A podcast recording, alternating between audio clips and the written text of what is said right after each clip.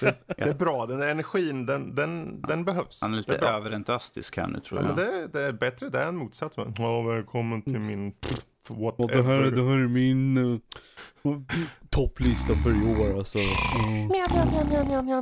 nummer ett är då Törnfåglarna, har ni sett det? Okej. Okay. Man bara, va? Var kom det ifrån?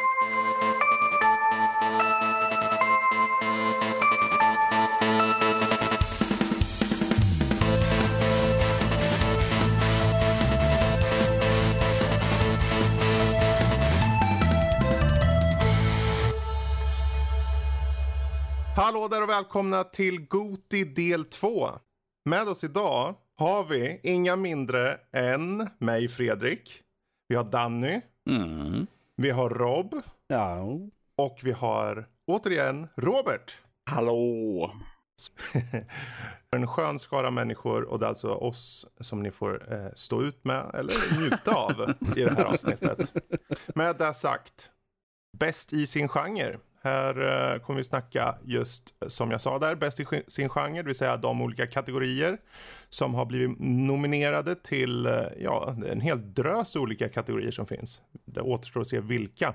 Men framförallt, vi kommer att ha våra personliga topplistor, vi kommer ha skamlista, vi kommer ha shitlist och framförallt folkets röst. Eh, vilka var spelen som hamnade i eh, era, eller er, topplista. Och sen har vi några vinnare där. Lite, topp, eh, lite tröstpriser och så. Um, men frågan är ju då, vad, vad, är då, varför har vi del två kan man undra. Jo, det är enkelt. Vi har haft ett jäkligt rikt spelår. Och eh, det betyder så mycket mer än bara ett enda bästa spel, ungefär som vi hade i Goti här i, i helgen. Eh, jag menar, alla gör något bra, alla gör något unikt, alla gör något som är värt att peka ut. Och Eh, oftast är det något som blir missat. Så eh, därför tänker vi oss att vi tar oss an och korar en spelvinnare inom ett gäng kategorier med ett par förvalda nomineringar i varje. Fem nomineringar i varje, en vinnare. Alla härliga spel. Eh, och ungefär som med eh, i Goti där som vi hade i första Goti. Det är klart att det kommer inte finnas en kategori för varenda typ av spel i världshistorien. Men vi kommer täcka en hel drös i alla fall och eh, förhoppningsvis kunna prata lite om de som vinner där lite extra. Med det sagt så hoppar vi just till bäst i sin genre och Rob, vad har vi eh, först på agendan? Ja du Fredrik. Uh... ja det blir lite så här formellt så här men vi kan, nu, vi släpper ja, min, min, go min gode herre Fredrik här, ja. uh, först ut. Nej men uh, först så har vi då bästa remake eller remaster då. Ja. Och det säger sig själv vad det är för någonting tycker jag eh, ändå. Mm. Och eh, då har vi i den listan de, de som är nominerade är Spyro, Reignited Trilogy, Shadow of the Colossus, Age of Empires Definitive Edition, Dark Souls Remastered och Burnout Paradise Remastered. Mm. Och uh, uh, efter många moment så var då vinnaren inom den här kategorin är då Spyro Reignited Trilogy. Varför är då den vinnare? Kan man ju undra. Jag tyckte ju spelet var ut, utomordentligt bra. Så. Ja. Uh, därför vann den i mitt hjärta i alla fall. Uh. Ja, alltså spelet i sig är ju bra. Det var bra förr. Men mm. vad är det som gör att den här remaken är bra? Ja, för min, min motivering för, för det har mm. ju, som jag sagt tidigare, är ju det att de har ju verkligen lyft spelet till den nya generationen, den nya, nya konsoler och nya, nya plattform sådär utan att eh, kompro, göra en kompromiss med mm. hur spelet var förr. Utan de har ju bara liksom byggt på det så att säga. De har, de har, de har inte riktigt fuckat med grund, grunden av spelet. Det är ju en, det är en pure rema, remastered liksom, eller där de har lyft det visuella. Mm. Uh, verkligen till, till en hög nivå. Uh, till, till den grad att det här är så jag minns att spelet ser ut. Uh, I mitt minne. Även fast jag vet att det inte såg ut så. Men det var så jag upplevde det när jag spelade det första gången. På Playstation 1 för, oh, många, många år sedan. Vad har vi näst på agendan vad gäller kategorier? Ja, eh, nästa kategori eh, som vi har då här är mest spel för pengarna. Och det här är lite, lite mer, ehm, eh, subjektivt antar jag än, än de andra. Men eh, Självklart. Ja. här, lite motiveringen för den här kategorin, vilket jag känner behöver tas upp här, är då att Mm. alla har ju inte riktigt råd med eh, en mängd spel. Eh, ibland så är det ju så att man oftast bara köper kanske ett eller två eller sådär. Så det här är då ehm, de spelen som man, vi tycker att man borde lägga pengarna på då. Eh, Mm. Om man har limiterad speltid eller, eller pengar. Och jag vill inflika, det kan också användas som en värde, värdegrej för att avgöra vilka spel man ska undvika om man har alldeles för många spel att spela också då. Mm. Ja, eh, det är väl eh, kort och gott så är det väl de här spelen som gör, ger mest valuta för pengarna sett till speltid parat med kvalitet då. Och eh, den här, de fem nomineringarna här då, Nino Kuni 2, eh, Red Dead Redemption 2, Forza Horizon 4, Octopath Traveler och Monster Hunter World. Och eh, trumvirvel. Eh, Jag har tänkt be Max sätta in det i post. Så blir... Ja, okej. Ja, men jättebra. Uh, vinnaren är då Red Dead Redemption 2. Woo, woohoo, woo. Woho! Uh, Ja. Ett spel Ja, som jag är- inte har spelat. Nej, men jag kan förstå att den ligger där ändå för eh, Jo. du, har, du har ju möjlighet att spela om den till viss del faktiskt. Eller till viss del, till stor del. Eh, du har ju väldigt mycket speltid för pengarna verkligen om man ser bara där. Och du, Och- du har ju en stor öppen värld också med hur många olika saker att göra som helst. Mm. Plus mm. det här online-läget också. Ja, exakt. Så det är mycket som liksom kommer med där i bilden som gör att det verkligen blir mest spel för pengarna 2018. Jo, och sen precis. är det ju ett välgjort spel också. Så det är ju verkligen det här som Precis. Rob sa, att det är, eh, vad heter det, mycket valuta för pengarna. Mm, Mm. exakt. Det är ju Exakt. enormt mycket speltid och det är ett kvalitativt spel. Har jag hört i alla fall. Eh, Det är sant. Det är sant. I can attest to that. Men eh, vår gode Rob, vad har vi näst på ordningen då? Jo då. Eh, näst i listan, näst i kön, näst på led är då eh, bästa vidareutvecklade spel. Och det här är ju då spel som har kommit ut tidigare och som har, men har då eh, fått innehåll och underhåll vidare, levt vidare då in i 2018. Eh, utvecklarna Mm. har verkligen hållit fast vid dem. Efter, efter De har inte gett sig upp helt eller de har gjorts om lite grann och så Mm. Vidare. Precis. Och eh, de- dessa fem är då Overwatch, no surprise. eh, Star Wars Battlefront 2, Middle Earth Shadow of War, For Honor och No Man's Sky Next. Och eh, lite kontroversiellt antar jag, men vinnaren här är då No Man's Sky Next. Precis. Och det är ju då Ja. för att de har ju verkligen, det, den, när No Man's Sky lanserades så var det ju verkligen en bajsmacka. Um, Mm. som, som vissa av oss uttrycker sig här. Mm. Alltså, det var ju inte så mycket bajsmacka som det var att det inte levde upp till det som de hade sagt. Eller det som Sonny hade Ja. sagt också. Precis. Så... Den, den levde inte upp till hypen ens lite. Det var inte ens Nej, det hypen. kan jag gå med på. den, den levde inte, nej nej, det var inte det att den levde, inte levde upp till hypen. Den levde inte upp till löftena ens. Det var ju det som är grejen. Ibland kan man ju förlåta, ibland, nej, ibland kan man förlåta spel som har blivit lite överhypade.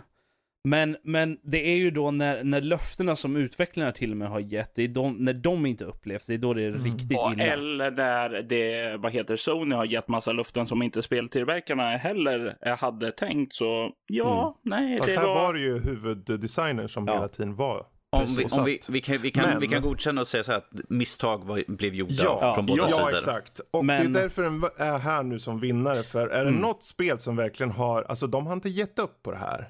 När, när Next kom ut nu och jag testkörde det tänkte jag wow, jag och Max satt med, ja det här var ju, och Max bara, det här var ju bra, det var väl inget fel på det här spelet. Ja men du, de har ju byggt om hela spelet.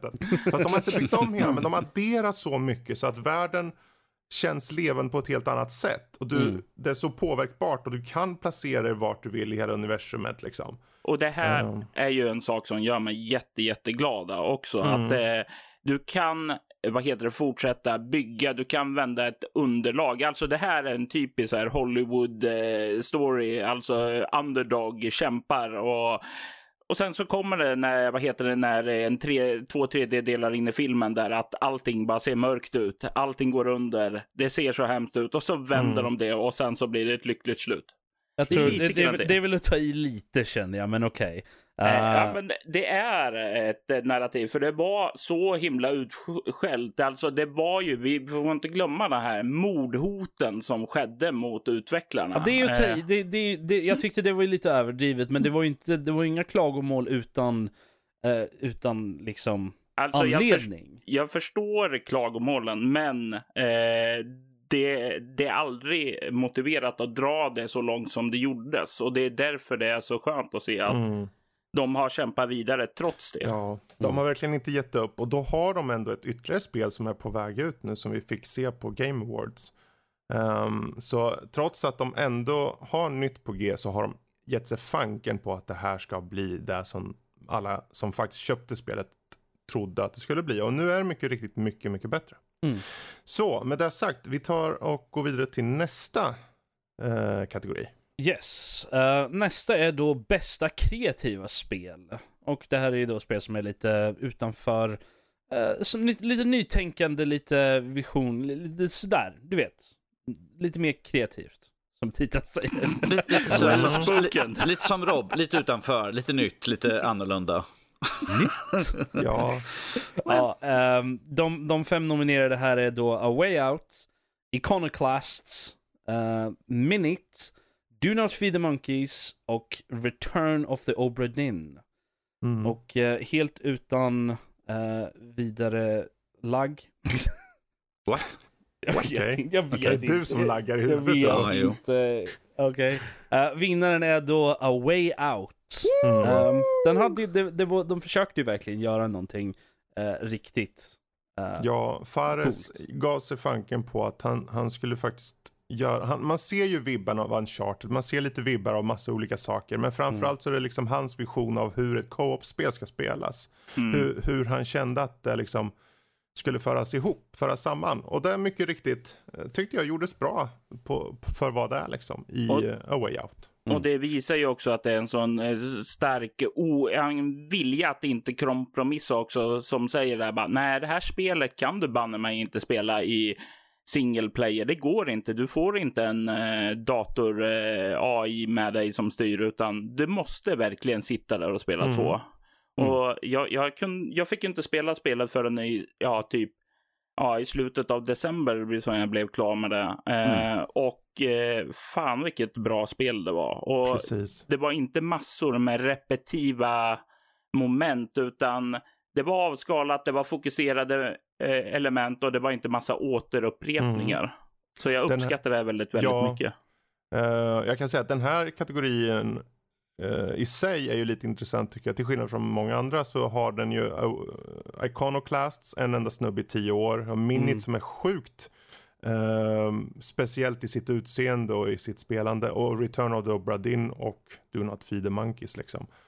Eh, jag tycker det är Mm. kul bara att de här tas upp, att de bara belyses på liksom. Eh, och så då framförallt då A Way Out som sagt.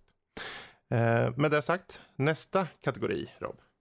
Yes. Eh, nästa kategori, vi tar och tittar lite på bästa VR-spel. Här. Eh, VR har ju varit en stor sån där lite småkontroversiellt eh, i vissa faktorer och folk som säger att det kanske är bra eller dåligt. Men ja, säga vad man säger vill så har det kommit en, en, en hel hög med spel och några av dem har ju varit någorlunda bra i alla fall. Vissa bättre än andra kanske. Um, Mm. och eh, de som vi har tagit fram här är då Beat Saber, Transference, Astrobot Rescue Mission, Tetris Effect och Space Junkies. Och vi ansåg eh, att eh, då vinnaren här är då Beat Saber. Mm. Uh, för ja, det, det är väldigt, det, det är lite så här, det är det enda rytmspelet jag någonsin har lyckats köra någonting av i alla fall. Ja, alltså det är klart jag har varit och eh, uh, petat lite på en del av de här spelen. Uh, och jag har sett en del, särskilt om Astrobot. Som för Playstation uh, sägs göra både det ena och andra och därför är den ju med i nomineringarna. Men det som egentligen för oss är ju såklart rolighetsfaktorn som vann över det mesta och Beat Saber var ju svår att slå där. Det är väl det enkla faktumet. Uh, jag menar Transference hade ju Murder Mystery aspekt, mm, uh, Tetris effekt mm, i uh, Bananas liksom, uh, världsrymden och så liksom. Och sen Astrobot som man styrde liksom i två, lite plattform. Uh, och Space Junkies därefter. Så det, det, är en skön blandning. En skön blandning. Men uh, kul. Beat Saber vann där. Vad har vi näst i ordningen då?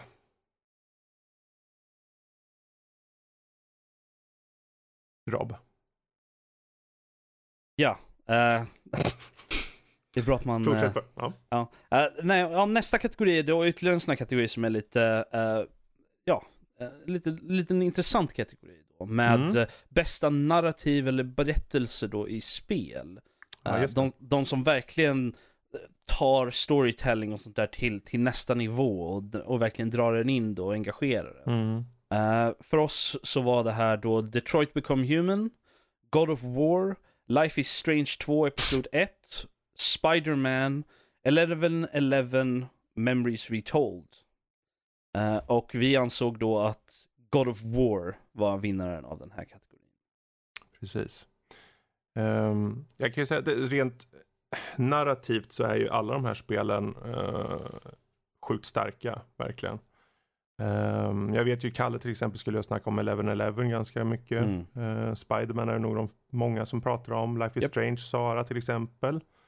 Uh, och så God War och Detroit. Det är ju självklart inga undantag. Men just God of War, den här, jag tror det, och det kanske man kan utröna från vårt Goti-avsnitt, del 1 där, men det är väl den här balansen. Att balansen i att uh, berättelsen i spelet inte bara sker muntligt, liksom att den visas i cutscenes och sånt. Allting mm. förs in i spelmekaniken, allt förs in i detaljer i miljöerna, i, i, i, liksom, i allt så dryper av, eh, om man vill då se det, berättelse. Lite mer dynamisk storytelling ja. än den här lite smått eh, halvstatiska som man får i de flesta andra spel där du går in i en cutscene eller du går och pratar med någon liksom och så går den in och zoomar in lite och så här, så är man fast där lite smått. Mm. Uh, Alltså det är, ju, det är ju typ av cutscenes i motorn och så, men det är aldrig som att de inte tillåter dig att se saker i miljöerna. Och de mm. sakerna som syns i miljöerna, de uh, har aspekter som tillhör storyn längre fram till exempel. Och mm. så. Um, så att de har på något sätt hela tiden tänkt ut, okej, okay, vi vill berätta det här spelet, tänkte de på förhand. Så upplevs det i alla fall som när man spelar mm. det. Uh, och sen uh, planerat ut, okej, okay, vi vill att vid det tillfället ska de få en uh, foreshadowing om det här och det här ska de anspelas på det som senare är viktigt för den här karaktären och så vidare och så vidare mm. och så mm. vidare. Eh, och då gör det att även om du kanske, för jag menar, om, du kan ju hårdra och säga, ja men du går runt och slafsar ner monster. Ja, men eh, det monster som kom fram just där, det eh, som du träffade på när du gick ut i den där stora gläntan. Varför var den där? Jo, det tar de upp. De berättar lite om varför. Du ser saker i miljöerna som anspelar att något har hänt och så vidare. Så att det blir som en del av berättelsen istället för att Monster Hunter World, du går ut, slakta allting som du ser typ. Mm. Det är, det är lite mer intelligent storytelling, lite så här, de har lite förtanke på vad ja, de faktiskt absolut. vill lägga upp. Och ibland så kan det faktiskt vara så krasst att du märker det först på slutet. Eh, mm. Som att du har spelat hela spelet, sen när du tänker efter, men vänta, jag kommer ihåg att det där hände där, som de säger nu i slutet. Det tänkte mm. jag inte på då när det hände. För ibland så är det ju liksom, det är ju svårt att vara up in the moment och ta in kanske vad man ser. Det är ju först på slutet som man förstår. Ah, okej. Okay. Så den ja, det, det, är ju lite, det är ju lite som att, som att läsa en bok eller se en film. Riktigt, där det att de, du brukar ju oftast ha, inte nödvändigtvis en twist, men du brukar ju få lite, lite mer information framåt slutet. Liksom. Mm. På det sättet att, att ja, saker som inte riktigt made sense tidigare i berättelsen, uh, vare sig det är filmen eller, eller en bok eller serietidning eller what have you. Uh, då helt plötsligt, åh, oh, jag förstår nu. Precis. Det är ju den, är lite den känslan som man vill gå in i och det, det tycker jag är bra. Ja. Uh, men uh, nog om nog God of War. No, nog om God of War nu. Uh, nu. Nu hoppar vi vidare till, till ja, bästa action och äventyrsspel. Mhm. Eh, och Mm. det här är ju en standardkategori. Vi, vi alla tycker ju om att slåss lite och sp- fightas runt och eh, hoppa omkring, lösa lite mysterier, Ja, lite äventyra. äventyr helt enkelt. Ja, eh, Ja. och våran lista är då utan några större förvåningar innehåller då Shadow of the Tomb Raider, Assassin's Creed Odyssey, Far Cry 5, eh, Strange Brigade och Spider-Man. Och jag kan väl inte säga att det är väl några större förvåningar här då när man säger att vinnaren här är Spider-Man.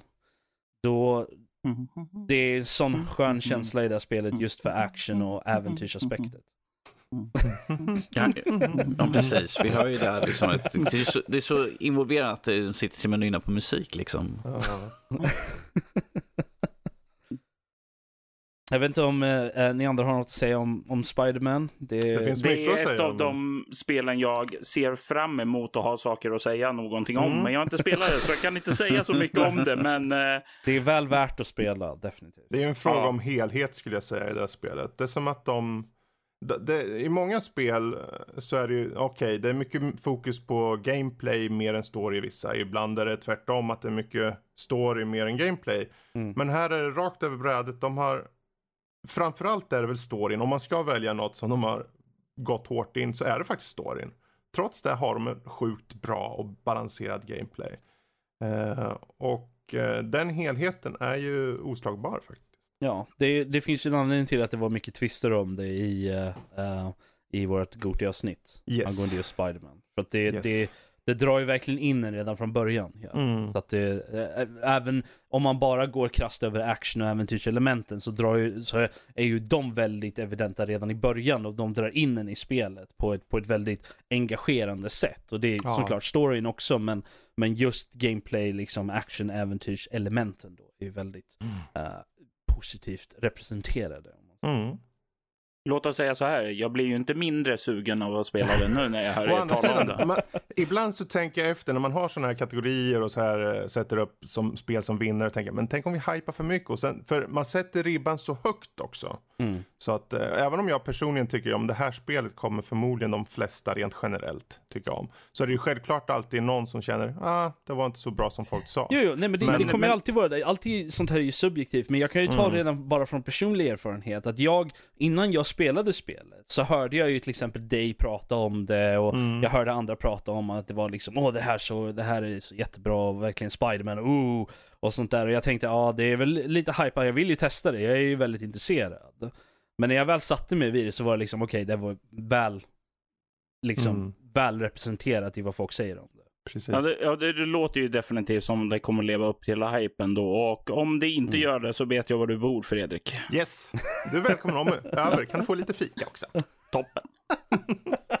Vad har vi näst på agendan då? Uh, näst på listan så har vi bästa estetik i spel. Mm. Och eh, ja, det säger sig självt lite om man vet vad estetik betyder. Men eh, för de som inte vet det så är det ju, handlar det lite mer om utseende och stilval, liksom lite känsla i, i spelet på det sättet.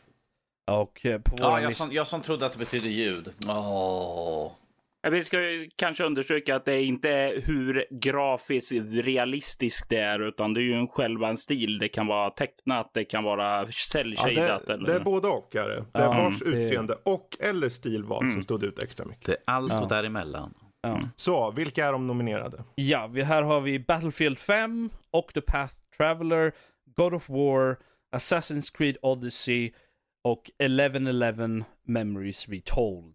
Och äh, återigen, vi har en, en favorit i repris här. God of War, vinnare i den här kategorin Mm. också.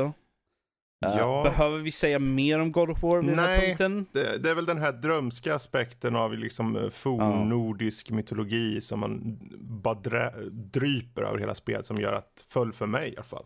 Ja, det, det känns ju väldigt bekant på något sätt. Även, även den, jag har ju bara kört typ en halvtimme av spelet, men på något sätt så kände miljö, den, de miljöerna man gick igenom bara där kändes ju väldigt bekanta på något sätt. Mm. Jag, Ja. jag, jag, jag kan säga att, det, att väldigt mycket känns bekant, men så har jag tillbringat väldigt mycket tid uppe i de norska fjordarna och sånt där. Så att för mig så känns det väldigt bekant från alla Mm. somrar och sånt jag var i Norge eh, hos släkt och vänner. även, så. liksom, även här i, i Sverige och sånt där så finns det ju saker man känner igen. Det är, jag menar, träd och sånt är ju mer eller mindre samma över Norge och Sverige. Så det är inte så stor skillnad om man Ja, men säger det ser så. inte så många fjorder och sånt där. i Nej, Sverige det gör man inte. Det är väl, det är väl, det är väl den stora skillnaden då.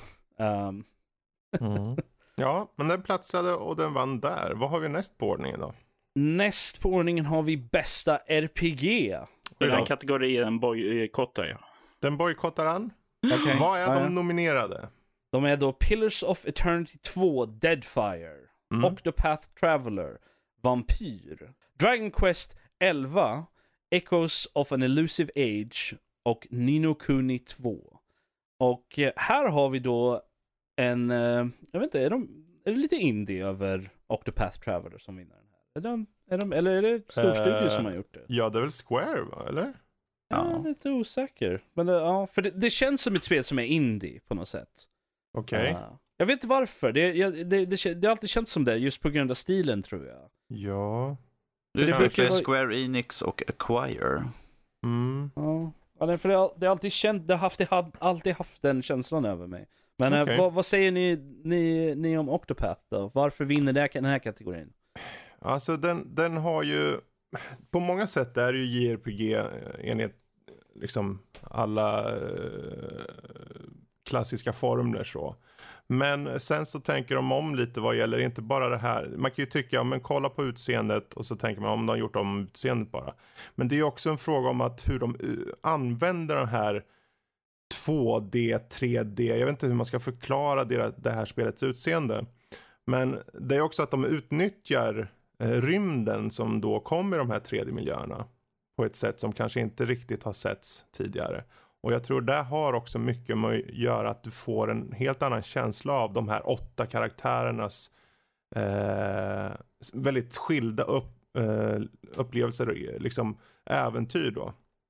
Eh, och det, det, känns, det känns, än en gång, det känns unikt idag tycker jag. Mm. Så det är väl det, först och främst, skulle jag säga. Ja, då har man ju det. Eh, vill man spela ett gediget RPG så är det Octopath Traveler Mm. enligt... eh, Ja, kom Nördliv. ihåg, kom ihåg, de här nomineringarna, alla de här nomineringarna, vi har, det finns många fler RPG.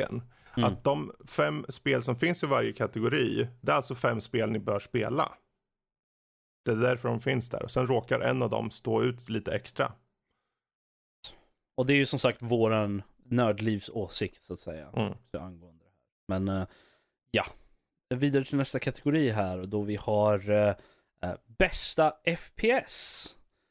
Och eh, våra fem nomineringar här är då Far Cry 5, Battlefield 5, Call of Duty Black Ops 4, Overkills The Walking Dead och Warhammer Vermintide 2. Och vinnaren här är då Far Cry 5. Varför vinner Far Cry 5, Danny? Uh, Far Cry 5 är en explosiv upplevelse. Det finns väl väldigt få som slår det just i, utav de här känner jag i den här omgången. Uh, det, man vet vad man får, eh, precis som du får, egentligen får utav de andra. Du vet vad du får av de andra, men detta, det här de har verkligen slagit på stort. Och det är Mm. liksom story, det är explosivitet, det är liksom stora områden. Alltså bara en kul upplevelse. Det är också en sån här lite grann, hoppa in, köra lite grann och mosa lite grann, allt som man ser i i, i, i liksom omgivning, liksom så här, jag vill spränga där, ja men då gör jag det bara. Ser du ett berg, då kan du gå på det. typ så. Typ, Alltså, liksom. Ser du- ser du ser en en ko, flod? jag spränger den. Ja. Ser du en flod kan du fiska. Liksom det. Och sen på där den här storyn med en kult som har tagit över den lilla dalgången. Och sen är det bara massa olika platser och hemligheter och personer. Och... Ja, det är ett riktigt hopkok av uh, sköna liksom, eh, berättelser och eh, karaktärer. Mm. Nice. I, i sann FPS-anda. Mm. Eh, Yes. ja. Nästa kategori då, eh, då har vi då årets retro. Och det här är ju då spel som har eh, den där lite mer gam, lite retro-estetik till dem. Uh, vare, sig, vare sig det är gameplay eller själva utseendet eller what have you. Mm. Och våran lista har då Celeste, Dead Cells, Horizon Chase Turbo, Do Not Feed the Monkeys och Unavowed. Och vinnaren här är då Dead Cells. Varför eh, vinner Dead Cells här då Fredrik? Det är ju på något sätt en kombination av den här klassiska retrostilen kombinerat med en nutida modern eh, spelmekanik. Mm. Ehm, att, att ha de här följsamma, väldigt vackra liksom, eh, animationerna och världen och framförallt hemligheter som har oftast en väldigt hög humoristisk ton gör att det står ut i mängden. Mm. Eh, inte för att någon av de andra spelen som Celeste och de här inte gör sin bit väldigt bra. Men eh, just Dead Cells har väl den här helheten som är svår att slå helt enkelt. Så Mm. därför. Nice. Alright. Uh, bästa strategispel. En, en kategori nära kär till uh, Fredriks hjärta. och din kanske? Ditt ja, också? och min egen. Definitivt. Men jag tänkte jag vill inte vara allt för liksom... Inte allt för ego. Ja, Vad har vi för några nomineringar där då? Ja, här har vi då Surviving Mars, Two Point Hospital, Jurassic World Evolution, Frostpunk och Total War Saga Thrones of Britannia. Och eh, vinnaren här är då en favorit från mig och Fredrik. Surviving Mars. Mm. Men varför då Rob? Ja, det är ju ett så himla bra spel. Punkt slut. wow. Ja, alltså egentligen, vill, vill ni höra en ordentlig definiering av varför eh, Surviving Mars är ett bra spel överlag, så lyssna på Fredriks utlägg angående den i Gotia-avsnittet, helt enkelt. Mm. För han, han sa det eh, väldigt bra där och jag känner att jag, jag Wow, inte... måste jag lyssna om för jag kommer inte ihåg vad jag sa. Ja, nej men du, du verkligen sålde det, gjorde du. Du sålde det så mycket att jag tänker fan spela vidare på det snart. Men det är bra, det hoppas Ja. jag verkligen. Ja, det, det är sådär. Jag vill gå Ja, tillbaka till det här spelet. Alltså jag, jag har suttit, så som det här, som ni ser här med alla de här jättemånga jättebra spel som finns här i de här listorna. Så är det ju verkligen ett år som var helt bananas. Eh, Så jag har suttit hela året bara, ja men nu kanske jag kan köra, så, ja just men jag ska bara ta det här först och göra klart det. Så, och sen går jag tillbaka till Survivor. Nu är jag klar, nej nu- okej nu kom det här. Och sen har det hela tiden skjutits på. Men nu Mm. ta med tusan ska jag ta mig an det igen. För jag körde om den, jag körde runt, jag körde och klarade ett par gånger. Men eh, de har uppgraderat, uppdaterat eh, både det ena och andra. Så, Det är, det är nästan så jag önskar att man kunde köra i, i typ någon form av co-op-läge. uff, det hade varit coolt. Det Ja. hade varit jävligt coolt. För vi sitter, tänkte jag sitta och köra det tillsammans liksom. Man, Ja. måste, man måste koordinera Precis. och bygga i det. Ja, det vore coolt. Kanske något Låter för de- svettigt. Ja, det gör ju det. Definitivt. Och Verkligen väldigt så att- långt. Alltså lång tid alltså. Oj, oj, oj. Jo, långa men, matcher. det, men jag menar, spelar man Civ liksom så är Mm. det typ en, en så här 14 till 24 timmars commitment ibland. För Mm. games. Så att jag menar, det är inte direkt så att långa spel är ett Ja. problem. Nej, precis. Ja, på ja, tal men om- Surviving Mars. På tal om spel som kan vara långa. Så har vi då bästa multiplayer-spel. Och det här är då inte nödvändigtvis eh, MMOs eller något åt det här, utan de måste ju bara innehålla multiplayer då. Mm.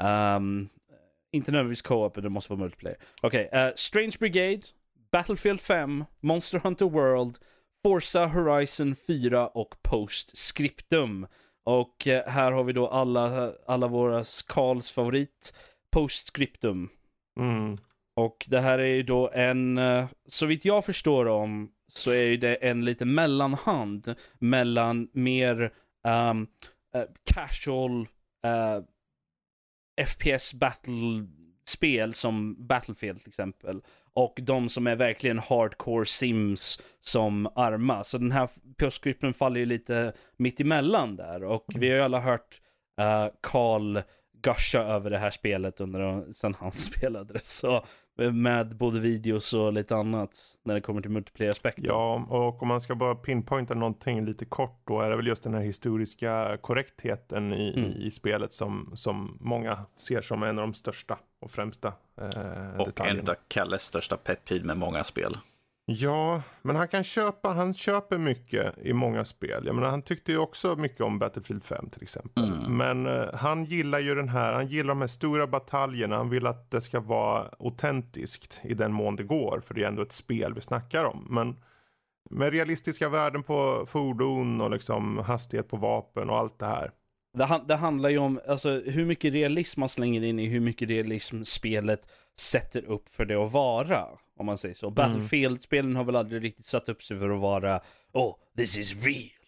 eh, På det här sättet. Medans uh, Postscriptum har i alla fall gett sig in och liksom utgett sig för att vara mer eh, vad ska man säga, gediget på den, Mm. på den punkten. Framförallt Och- på den tekniska aspekten, just det här Mm. med vapen och byggande av baser och fortifikationer och så. Mm. Bra spel. Där har vi på skriptum. Vad har vi näst på ordningen då? Näst på ordningen så ger vi oss in i vardagsrummet för bästa familjespel. Mm, De spelas väl i vardagsrummet, va? det kan de göra. Det kan de Eh, göra. Ja, eh, och här har vi då Pokémon Let's Go och det är Pikachu Eevee, va? De Mm. två. Och du har eh, Super Mario Party, Lego The Incredibles, Super Smash Bros Ultimate och Unravel 2. Och vinnaren här är då drumroll Super Smash Bros Ultimate. Mm. Och eh, det är ju ett sånt där spel som man bara kan sätta sig med, känner jag. Jag vet att det är folk som argumenterar den här punkten, men eh, ja. Det, Nej, men det, här ju... är, alltså, för, för familjespel så är det ju verkligen ett top notch spel. Det, alla får en karaktär att, Mm. eh, att hitta liksom och känna och klämma, klämma på och framförallt lära känna. Eh, och du kan köra singelspel, du kan sitta med vänner och köra upp till, vad är det, åtta personer? Så, Mm, så något sånt, ja. För de flesta sånt. familjer så, så är det ju liksom gott och väl där liksom. Så det, det, det är en komplett upplevelse, särskilt som eh, familjespel då. Precis.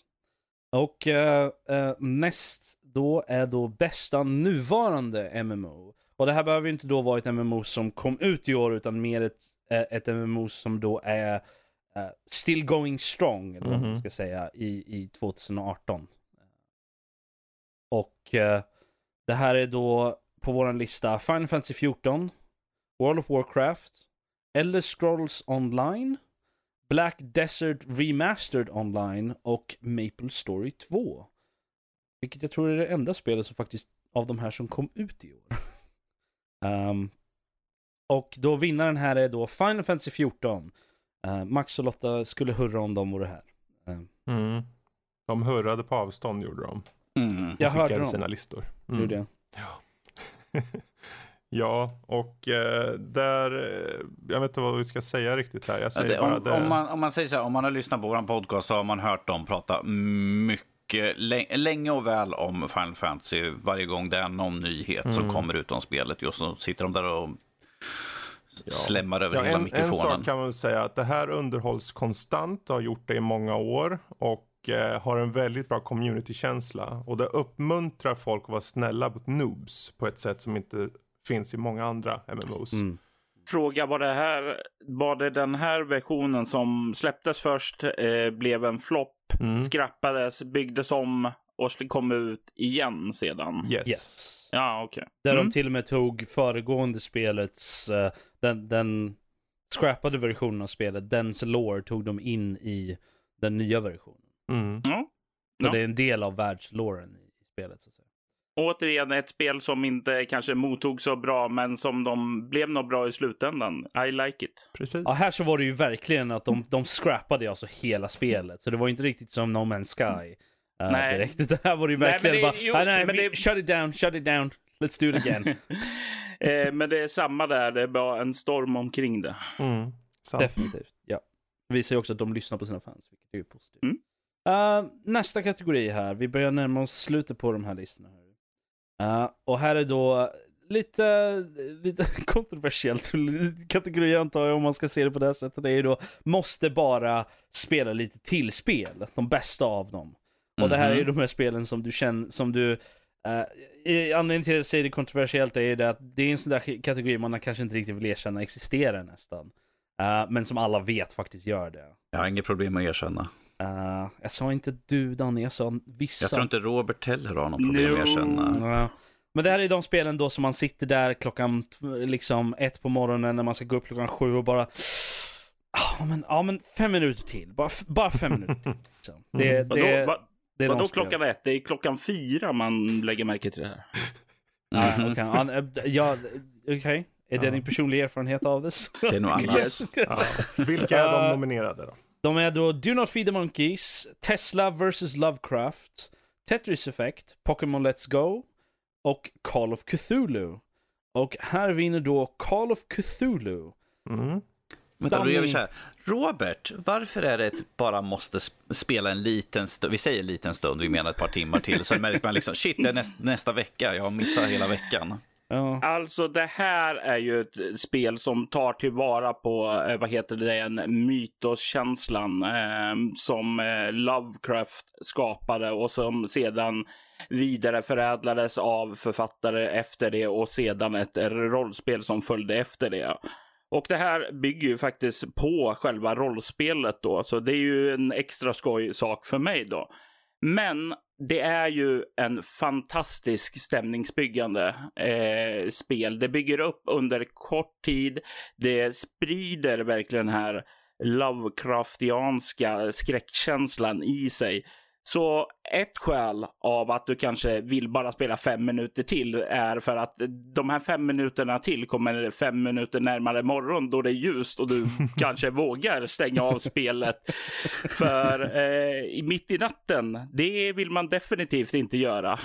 Eh, så varför man vill bara fortsätta är det ju för stämningen. Alltså de skruvar, det finns ett litet mysterium, man kommer till en ö och gräver vidare. Och, men allting, det är som en eh, spiral ner i den na- mest nattsvarta mardröms eh, hål du kan föreställa dig. Och eh, det, eh, den här galenskapen som fyller den, det är vad som får en att driva att bara spela fem timmar till. Bra. Ja, precis. Bra, bra. Ja. Ja, vad har vi mer då? Har vi något Ja, mer? jag tror att nästa här då, jag tror, jag vet inte varför jag sa det. Uh, Vet eller du tror? jag vet inte, helt plötsligt bara, ja. nej men. inte.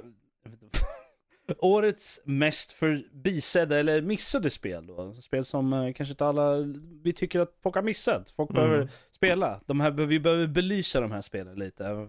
För vi känns att de har hamnat lite i skymundan fast de är bra spel.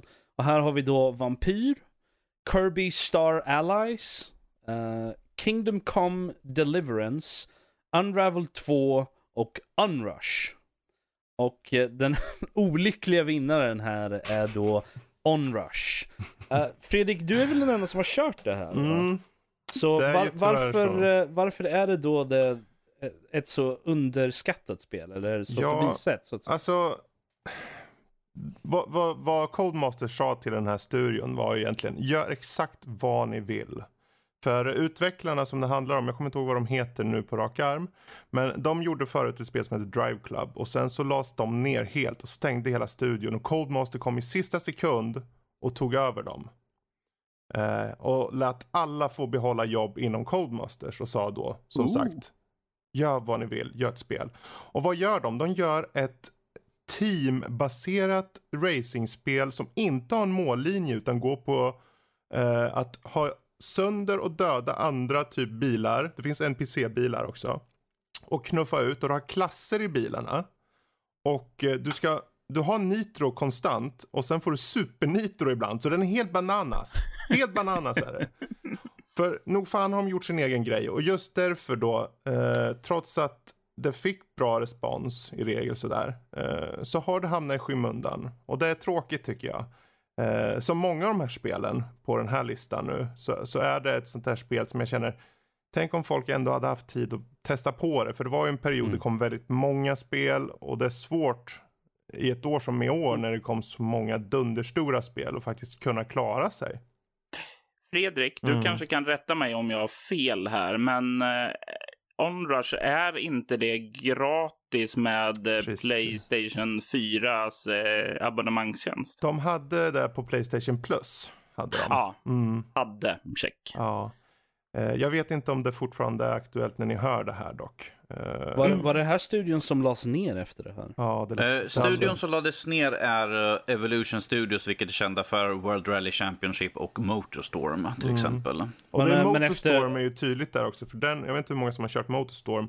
Men det är ju typ massa olika typer av fordon i en stor eh, värld bara som åker. Och det är typ det här konceptet de har här. Det är bara att de bara, "Nej, men vi skruvar upp det till max. Så. Ja. ja, det är ju synd att det, inte fick eh, den belysningen som det Mm. behövde. ja. Eh, Det förtjänade för den ja, jag tycker det. Eh, men, men, så kan det gå ibland och det är därför vi tar upp det. Ja, Så, Uh, har vi något mer säga- var det sista jag, eller? jag tror det där var det sista i bäst i sin genre. Yes. Eh, Eh, då så, då kan jag säga att det här Bäst i sin genre kommer komma ut på vår hemsida här eh, längre fram. Så ni kommer kunna se de nominerade och se vinnaren och kanske lite motiv motivering i kortfattad textformat. Eh, och eh, med det sagt så går vi vidare till eh, lite mer personliga saker. Vi börjar med, eh, ska vi börja med personliga topplistor eller ska vi ta skamlistan först? Det är eh, väl bättre att börja med skamlistan så slutar vi med något positivt istället. Ja, Ja. jag tänkte det också. Vi kan gå i den ordningen vi har det här, känner jag. Mm, att, eh, För då de- har vi skamlistan först då. Yes. Spelen alltså som, som vi helt enkelt hoppades kunna spela men kanske aldrig blev av på ett eller annat sätt. Kanske aldrig hann köpa dem ens. Mm. Eh, och jag vet inte, ni får, vem som helst får dra till en ur korgen här som ni säger det här. Varför missade jag det? Och vill gärna köra. Jag kan ta och nämna då Detroit Become Human. Mm. Och eh, det är ju ett David Cage-spel och jag älskar både eh, båda hans två tidigare spel, Heavy Rain och Beyond Two Souls. Jag har inte spelat dem innan det, men de två spelen är väldigt filmiska, de är interaktiva, det är pre- precis den typen av film som jag Eh, film, du hör ju vad jag säger. Det är den typen av spel som eh, jag älskar att spela. Den Eh, cinematiska upplevelsen du vill ja. ha. Så. Verkligen, verkligen. Och det är inte massa öppna världar och sådant där som slukar resten av mitt liv när jag inte kan låta bli att upptäcka varenda sten då. eh, det är, vad heter det, någonting. Jag hade ju ingen Playstation 4 när det här utannonserades och sådant, utan jag skaffade mig min Playstation 4 under året. Jag talade om det här tidigare i, under eh, året i avsnitten då. Och det här, jag köpte ju på mig Detroit Become Human eh, då i samma veva eh, för jag skulle spela det. Men saker och ting har inte riktigt blivit som jag ville. Så jag har inte hunnit spela utan Mm. det står och stirrar där på mig. Och jag vet att så fort jag bara poppar i den så kommer jag att eh, översköljas av precis den upplevelse av spel jag vill ha. Mm. Eh, väldigt cinematisk och väldigt mycket möjligheter att uppleva en historia på väldigt många olika sätt också. Mm. Så det är min skamlista spel som jag verkligen, verkligen känner jag ville säga Mm. någonting om. För att, om vi hoppar till Rob då. Har du något spel du känner här? Det var ju synd jag inte hunnit eller kunnat och så vidare. Jo, ehm, det kom ju ut ett peka-klicka-spel i år. Mm. Eh, det heter Unavowed och jag har följt snubben som gör det här då. Eh, för han har gjort tidigare, tidigare peka-klicka-spel som har varit väldigt retro fashion, typ lite Monkey Island Mm. stil, stil liksom. De, de gamla stilarna. Mm. Och eh, de har ju varit väldigt bra, väl, lite mer såhär, uh, lite detektivstories nästan. Lite så här, eh, eh, lite noir ungefär. Och jag har alltid tyckt om det. Så att, och eh, han gjorde ett nytt spel då som heter, eh, som sagt, Unavowed. Och det är då, du, du kan välja flera olika karaktärer och ha med dig. Och det ändrar historien lite och så finns det tydligen en twist i slutet och lite grejer. Och den är väldigt, jag har hört jättepositiva saker om spelet. Jag har bara dels inte haft råd att köpa spelet och sen helt enkelt bara inte haft tid eller ork att- ta mig an det efter att jag faktiskt köpte det. Mm. Eh, Så att eh, det, det känns lite skamligt med tanke på att det är meningen att jag ska vara peka-klicka-snubben liksom. Men eh, jag har faktiskt inte tagit Det, är, lite- jag, det är lite skamligt när du faktiskt har lagt ut dina svårt förvärvade pengar på ett spel och sen spelar du inte det. Ja, det var ju på det också men... eh, Eh, då, då är det helt förlåtet. Då är det okej, då är det liksom never Okej, mind. ja, vi hoppar till. Danny då. Yes, eh, på min så har, har jag Red Dead, Red Dead Redemption 2, eh, vilket vi hade ju frågan liksom eh, efter jul här liksom, ah, nu är mellandagarna, vad ska ni spela för någonting? Jag skrev, skrev in det att liksom Red Dead var ju ett av dem jag skulle spela, men eh, fullt upp, eh, sängliggande, så det blir det helt enkelt inte av att jag spelar. Jag har det liksom installerat på PS4 och allt sånt där, klappat klart, bara in och hoppa, men att, nej, kom aldrig runt till det som sagt. Det blev sängliggande innan vi skulle spela in Goti-delen, så tyvärr.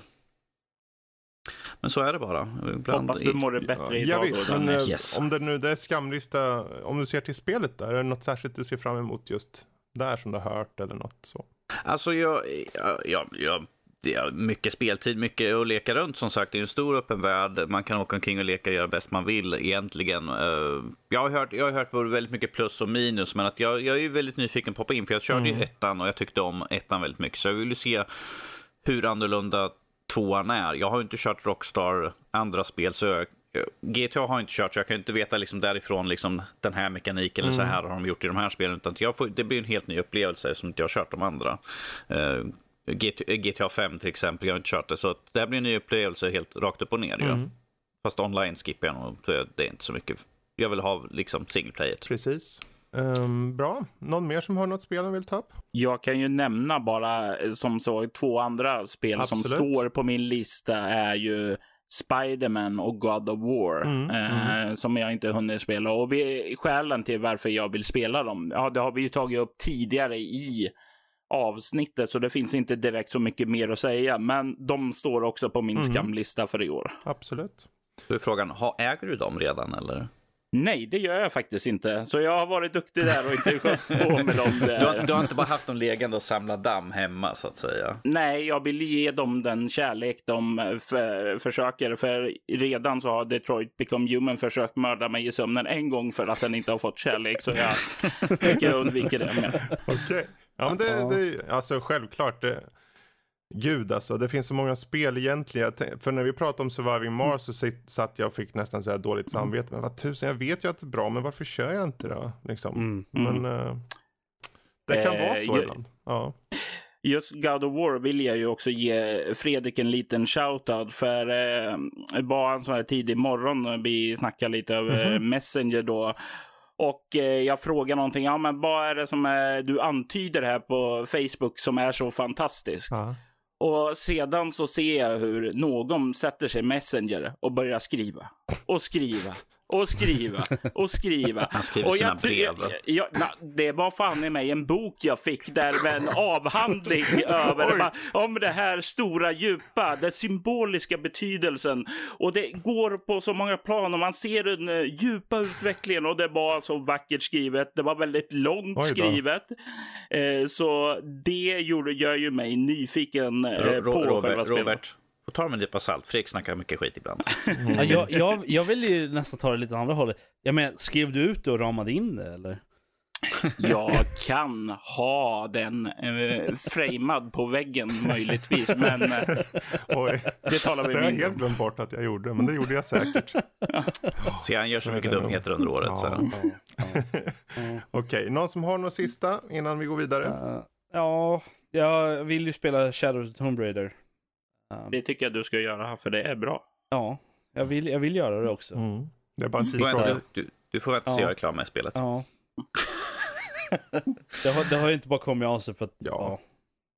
Det har inte blivit. Men det, det är ju så, jag menar, skamlistan är ju egentligen en lista som bara får fler och fler spel till sig. Och eh, jag menar, det ju inte, om ett år när man sitter här, då är det säkert helt andra spel som ligger där. Och det är en oundviklig lista skulle man kunna säga. Men Mm. eh, man får ta och spela där man kan, så är det. På den gamla goda tiden, på 80-talet, när Mm. det, man max fick släppa fyra spel om året, då, då, då hade man ju med. Det här är Ja, brutalt precis. hemskt. Ja. Med det sagt, apropå dåligheter, så går vi från skamlistan till the shitlist. Eh, de mest underpresterande spelen skulle vi kunna säga, väldigt förmildrande. Eh, vi har en liten pool av spel här som vi tänkte prata om och jag slänger ut ett spel till att börja med. Metal Gear Survive. Danny?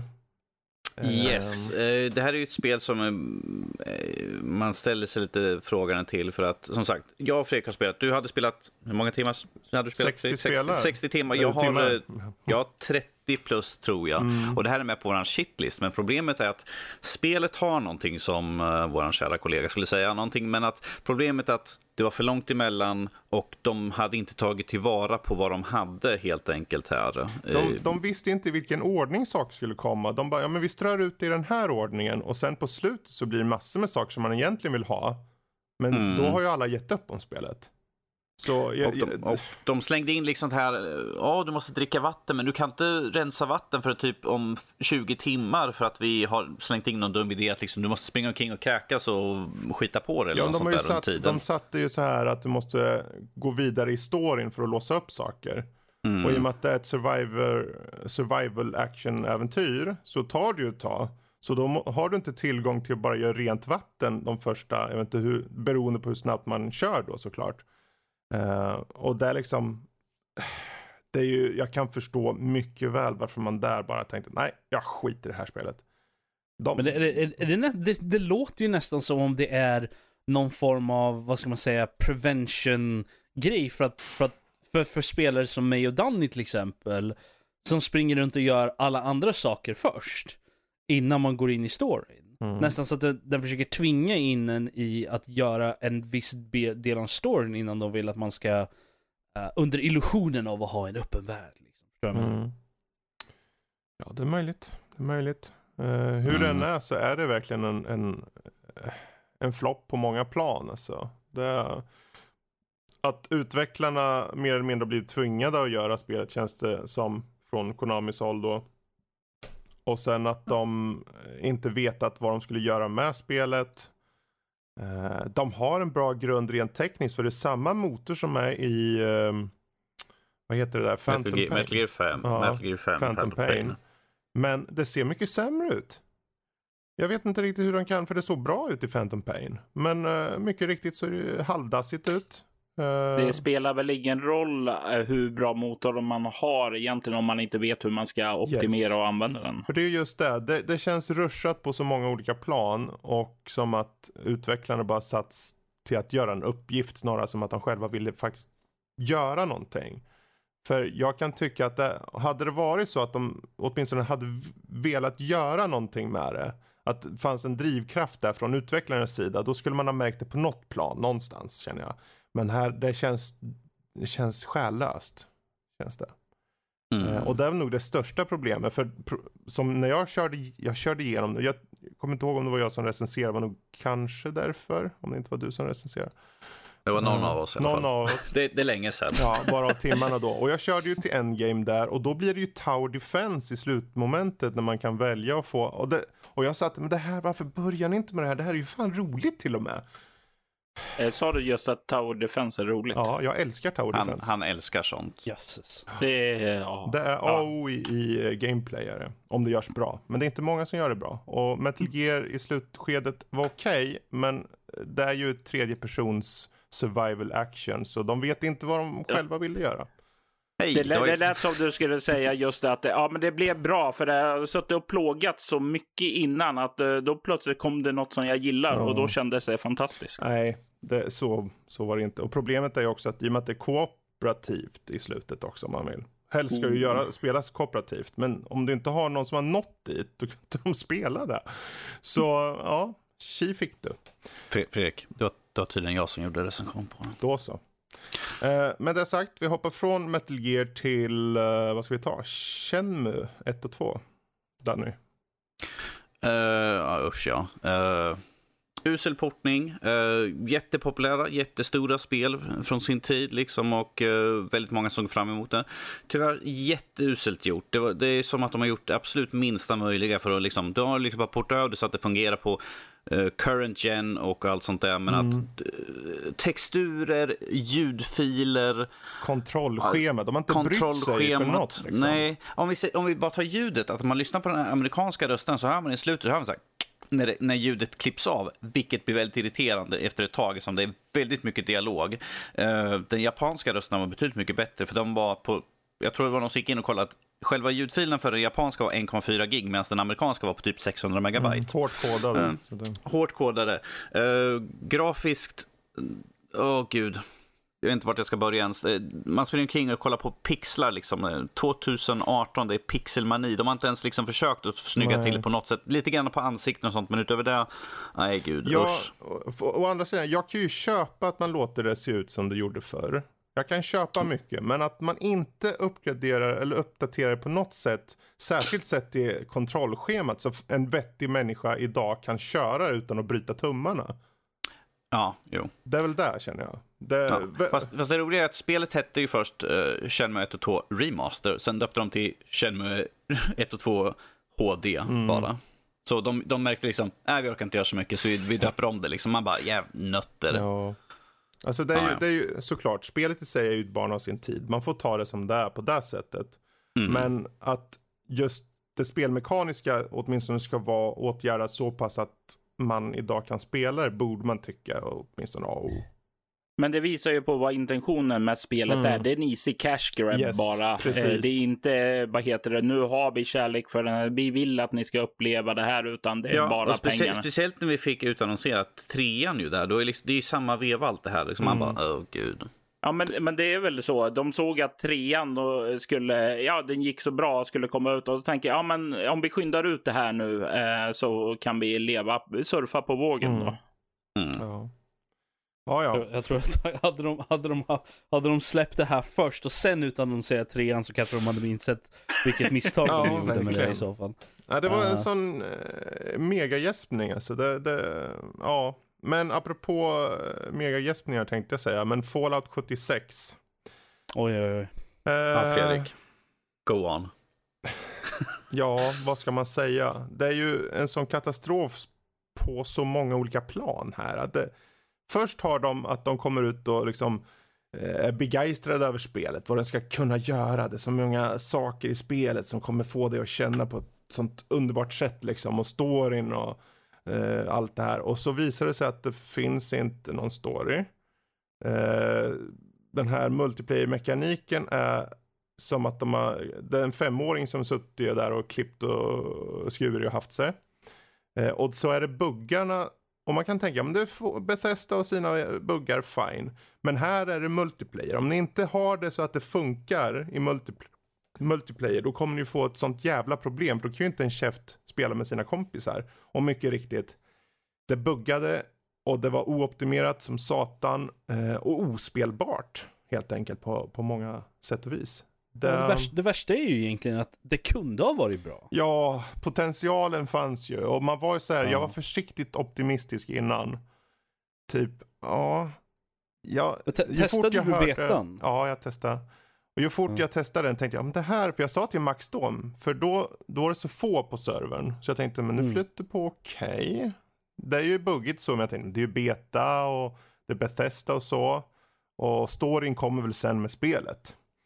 Och sen visade det sig att när jag körde fulla spelet, då var det samma som betan. Det var exakt likadant. Jag tänkte, åh, ja, för jag, jag fuck. satt där och tänkte liksom, när jag körde, när jag körde ehm, betan, Mm. så tänkte jag, ah, nej men det var inte mycket till story här. Den enda storyn som du har här är ju de här röst, uh, vad ska man säga, audio logs Ja. från, från eh, Ett par robotar ehm, och lite grejer.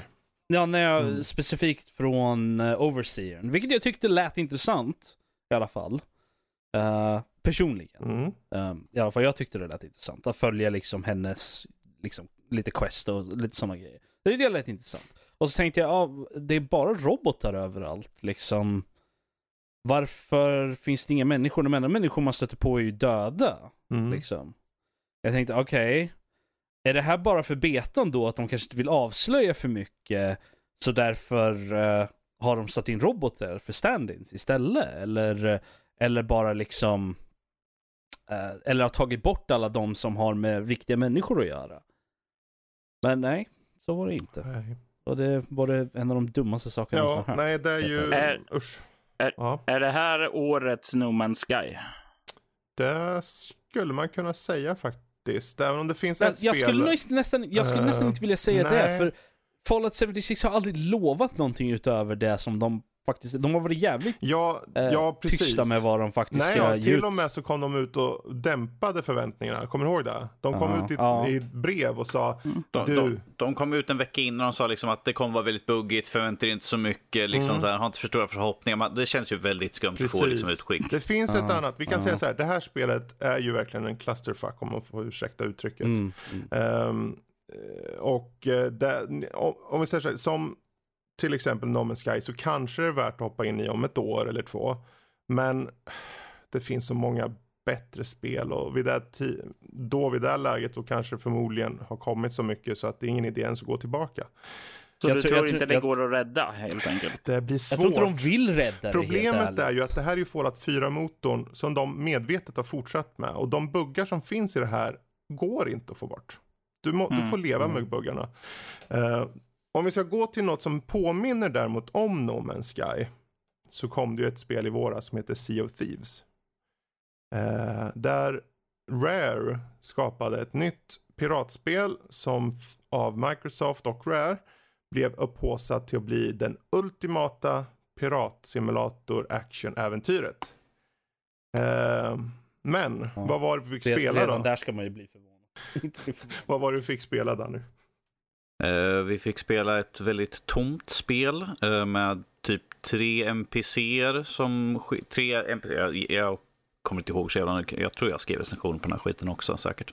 Uh, tre, det var typ tre NPCer som skickade ut den på liksom, åk iväg och ta död på den, de här döda piraterna, de här skeletten någonstans. Eller åk och hämta de här kycklingarna på den här. Eller åk och leta upp den här skatten. Så tar du tillbaka och så får du minimala pengar för det du gör. Och Uh, Sen gör du allting samma kost- uppdrag Så gör du samma sak igen. 50 miljoner gånger och det är jätteuselt betalt och de saker man köpte var liksom bara kosmetiska. Det var liksom inget annat. Det här, det här, ja, det här sa vi redan då när, vi kom, när recensionen kom ut och vi pratade om spelet efteråt. Att de, de, de vill att man ska ut och göra äventyr själv och jag säger nej, jag betalar pengar. Jag vill ha ett äventyr berättat till mig och som jag får leka runt i. Jag vill inte sitta och Ja. fantisera fram mina egna saker jag, för, på ett spel. Men, och även där sagt att även om de skulle förlita sig på de här tre uppdragsstrukturerna som fanns, eller fyra Ja. som det kanske var, eh, så var ju de exakt samma i uppdragsupp. Det var bara antingen var det eh, fler eller färre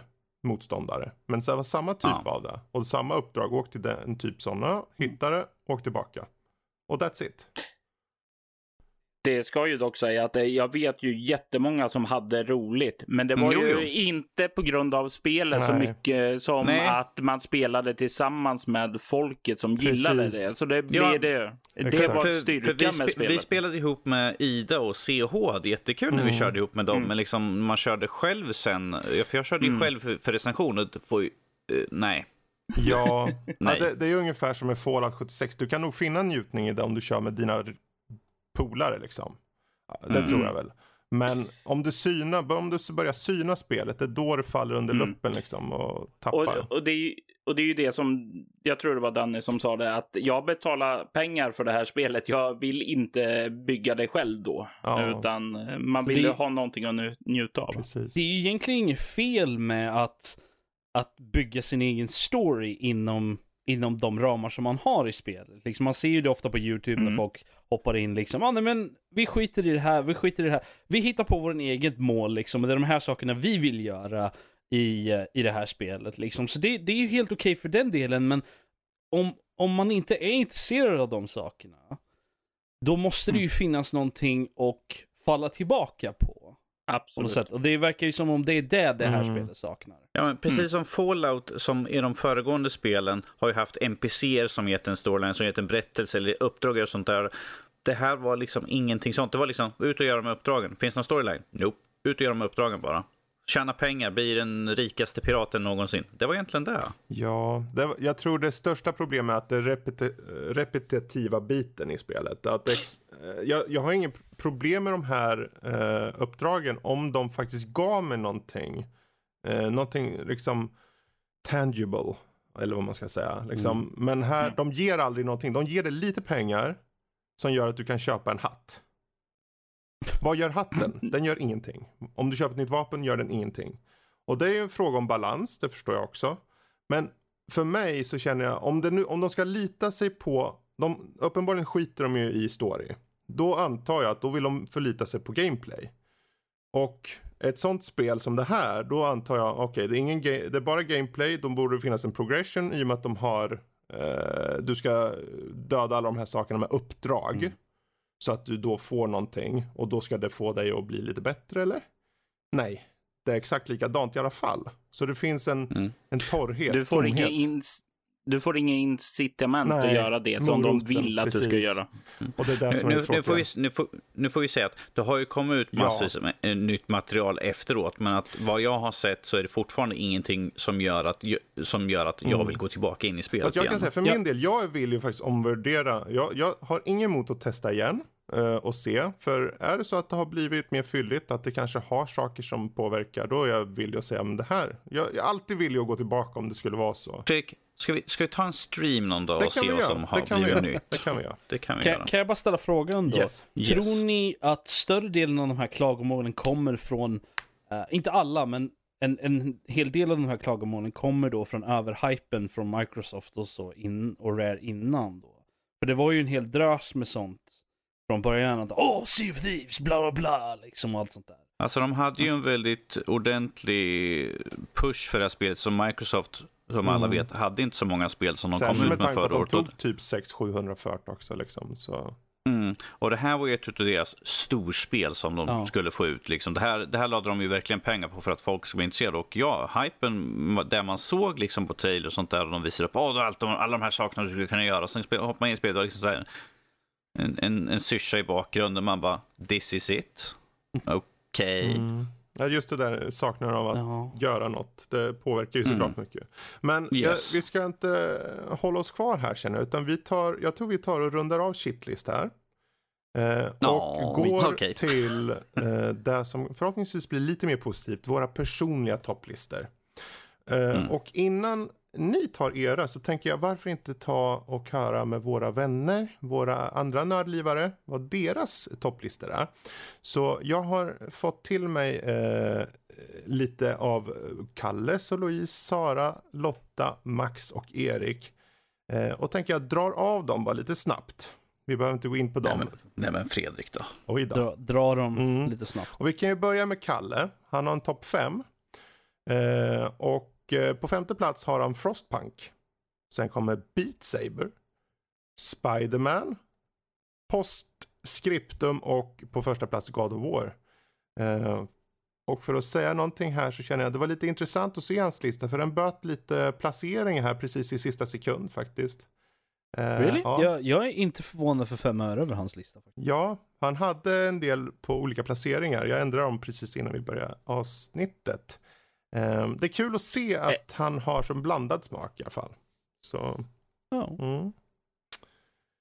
Var det han eller du som ändrade dem innan avsnittet? Jag ändrade åt honom för han skickade Ja. mig i... eh, vi kollar i ett dokument här tillsammans nämligen. Jag, jag ville bara försäkra mig att det var han som ändrade och inte du. Ja, precis. Nej, nej, Fredrik bestämde han får inte ha i den här ordningen, Exakt, jävla snovalp. exakt. Det här är min ordning, Ja, han får han ta får ta det. det här. Man kan ju inte ha postscriptum längst upp. Men han ändrar Mm. själv och sen ändrar jag det åt honom i listan. Men Ja, med det sagt, bra. vi går till Sara. Hennes lista ser ut så här. Hon har faktiskt fyra placeringar med fem spel. Eh, på fjärde plats har hon Transference. Eh, och sen på tredje plats har hon Hitman 2. Och på andra plats har vi två spel, The Detroit Become Human och Life is Strange 2 Episod 1. Men på första plats har hon Spyro Reignited Trilogy. Nice. Eh, Hon Nice. älskar Spyro. Hon älskade Spyro innan och hon älskar säkerligen mycket mer efter hon spelar den här dunder bra gjorda eh, remaken. Jag tror, jag tror jag ska dra fram min Spyro-tröja och ta en bild och skicka till henne. Ja. Ehm, och sen så hoppar vi till lilla Lotta. Eh, Lotta har faktiskt en topp 10. Det var mer än jag trodde hon skulle föra in, men där ser man. Tionde plats, Dissidia Final Fantasy NT, för de skulle Final Fantasy. Eh, på nionde plats, Overcooked 2. Åttonde plats, Two Point Hospital. Sjunde plats, Super Smash Bros Ultimate. Sjätte plats, Blaze Blue Cross Tag Battle. Femte plats, Nino Kuni 2, Revenant Kingdom. Fjärde plats Beat Saber, tredje plats Warhammer Vermintide 2, andra plats Subnautica och första plats Detroit Become Human. Eh, hon eh, pratar ju gott, väldigt gott om Detroit. Hon har sett mycket. Hon pr- pratar lika mycket gott om Subnautica. Det märkte vi i Goti-avsnittet. Ja, det var... Eh, så Vi där, fick, vi, fick, vi fick sparka bort det spelet stenhårt för att och liksom locka dem med en annan. Titta här borta, titta! Ja. Lotta Detroit. Hon bara Ooh! Det var, det var ju nästan, det var ju nästan till tårar när vi bad henne välja mellan de men två. kom inte Subnautica med på topplistan? Ja, inte där hon ville Nej, ha den så väl. var det nog.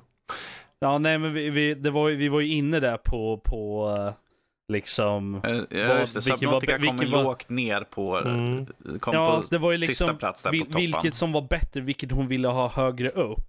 Och det var ju nästan så att det drev henne till tår för att välja mellan de två. Men det är lite, Liksom, ja, nej, ja, det, det är ju svårt att sätta en lista överhuvudtaget där ju såklart. Mm, Särskilt när mm. spelen varierar sig så mycket emellan. Ja men det har, det har ju också att göra med hur mycket, inte nödvändigtvis hur mycket de varierar sig från varandra, utan hur mycket man tycker om dem. Och Mm. tycker man om dem så lika, så är det ju så svårt, även om de Precis. är olika spel. Precis. Eh, men där har ni i alla fall Lottas och vi hoppar över lite raskt till Max. Nu ska vi se vilka fightingspel finns med, säger jag fördomsfullt. Men eh, tionde plats, Warriors Wow. Orochi 4. På nionde plats, Dissidia Final Fantasy NT. På åttonde plats, Warhammer Vermintide 2. Sjunde plats, Overcooked 2. Sjätte plats, Super Smash Bros Ultimate. Femte plats, Soul Calibur 6. Fjärde plats, Detroit Become Human. Tredje plats, Subnautica. Andra plats, Blaze Blue Cross Tag Battle. Och första plats för Max 2018, Beat Saber i VR. Mm. Han, eh, han om någon har ju kört mycket Beat Saber. Eh, med all säkerhet mycket mer än oss. Eh, Ja. och eh, han fick ju inte nog av det. Han kunde stå dag ut och dag in och spela. Mm. Det var ju tufft för honom att vi verkligen sparkade det till sidan. Ja, det var det ju. Men det är ju, så kan det vara. Men på hans topplista står det ju etta. ja, Yes. men det är det som är viktigt. Ja. Så vad jag hör här är ju att eh, varken Max eller Lotta eh, ville vara med eftersom ni har kastat bort deras spel åt sidan här. Ja, i första elak. Men här är de ju Ja. med. Här är de med. Ja, det, nej, nej, nej, Där får man ju kämpa Ja. och liksom argumentera för dem. Och, Så, eh, så illa var det inte. Vet du vad? Om ni vill verkligen vill veta vad som faktiskt hände, lyssna på Gothia-avsnitt. Ja, lätt. Precis. Eh, sen hoppar vi över till den svåraste av dem alla. Erik. Och han har en topp topplista. Han har bara ett spel. han har spelat bara ett år från i år som jag vet. I alla fall som fick plats. Han, hade, han har ju spelat Beat Saber också men den kom inte med. Han kanske bara valde att ha ett enda Goti. Hans Goti är Valkyria Chronicles 4. Och eh, han har Han ville ner- inte att det skulle bli någon förvirring. Nej, eller? han vill inte det. Vilket som var det bästa Han har ju manglat timmar i det där. Eh, anime, eh, militär, strategispelet. Yes. Och därmed rätta, det är ju välgjort. Det är indragandes och mycket, många långa cutscenes. Eh, och så vidare. Så det, Och du har läst min recension här ja. det, jag har ju testat spelet också annars. Men, ja. men eh, ja, kul. Då hoppar vi till eh, sista då, innan vi går till våra. Eh, det är Louise. Och hennes eh, topp 8 ser ut så här. På åttonde plats Owlboy för Switch. Sjunde plats Late Shift. Sjätte plats Bloodstained Curse of the Moon. Femte plats Shantae uh, Half Genie Hero Ultimate Edition. Fjärde plats Dragon Quest 11 Echoes of an Elusive Age. Tredje plats Yoko's Island Express. Och andra plats Castlevania Requiem. Shadows of the Sim- uh, Night and Rondo of, vad står det?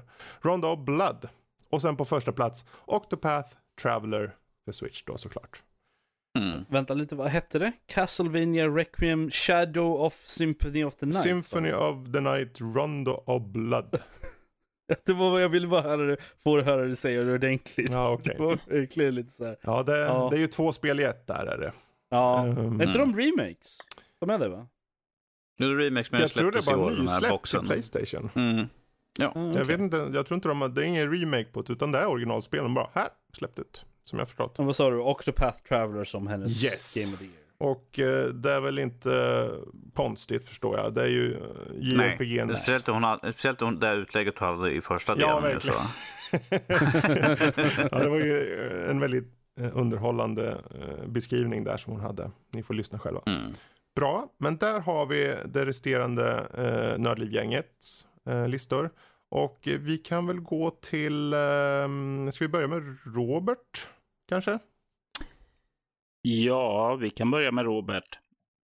Nu ska jag ta och samla mig här. Mm. På sjätte plats, för jag har en topp 6-lista, så Mm. har vi, eh, vad heter det, grekisk tragedi i Assassin's Creed Odyssey. Mm. Nice. Och På femte plats så har vi gotisk skräck i form av spelet Vampyr. Åh. På fjärde plats så har vi en matiné actionäventyr Mhm. i form av Shadow of the Tomb Raider. Galenskap, hemskheter och mardrömmar återfinner vi på tredje plats när jag har Call of Cthulhu där. Mm. På andra plats har vi en eh, återkomst till min barndomskärlek, höll jag på att säga. Men vi talar förstås om postapokalyptisk zombieskräck i Telltales The Walking Dead Final Season som bara har kommit två avsnitt innan spelstudion konkade och togs upp av en annan. Men överst på min lista så har vi Ja, eh, vad ska man säga? Bro-kärlek, eh, prison-drama och eh, soft co-op i form av A Way Out. Ja, vad mysigt. Eh, Mm, mm. det verkligen fångade mig. Alltså, vi har nämnt lite om det tidigare och det var en upplevelse som var ja, fokuserad, eh, väldigt effektiv och väldigt, väldigt roliga spelmoment. Så där var det verkligen både gameplay såväl som storyn var väldigt engagerande. Mm. Och som sagt tidigare, ett väldigt kreativt spel. i- Mm. Så ja, jättekul. Bra lista. Det är kul att jag hoppar in här. Jag tycker bara det är så kul att få de här, vissa spelen som inte får den här uppmärksamheten. Och Way Out är ju verkligen ett sånt spel känner jag. Mm. Eh, Vampyr också, måste jag säga. Ja. Ehm, Och vill ni veta min eh, känslor för det så finns det ju en recension på sajten Mm. också. Precis. Men eh, ja, vem av er två andra? Eller vill ni att jag ska ta? Eller? Ska Danny då? Ska vi hoppa på Danny lite? Ska vi hoppa på mig? Vad är jag, en jävla studsmatta? Du är den bästa studsmattan är av alla. Okej, jag kan väl ta... eh, eh, tionde plats, Lego The Incredibles. Mm. Nionde plats, Detroit Become Human. Åttonde plats, Darksiders 3. Sjunde plats, Tetris Effect. Nämen. Mm.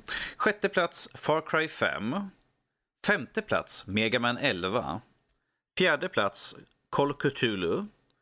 Tredje plats så blir det där också lite grekiskt mördande med eh, stiletter och gud vet allt annat jag kunde hitta på marken, en liten pinne eller något sånt där. Assassin's Creed Odyssey.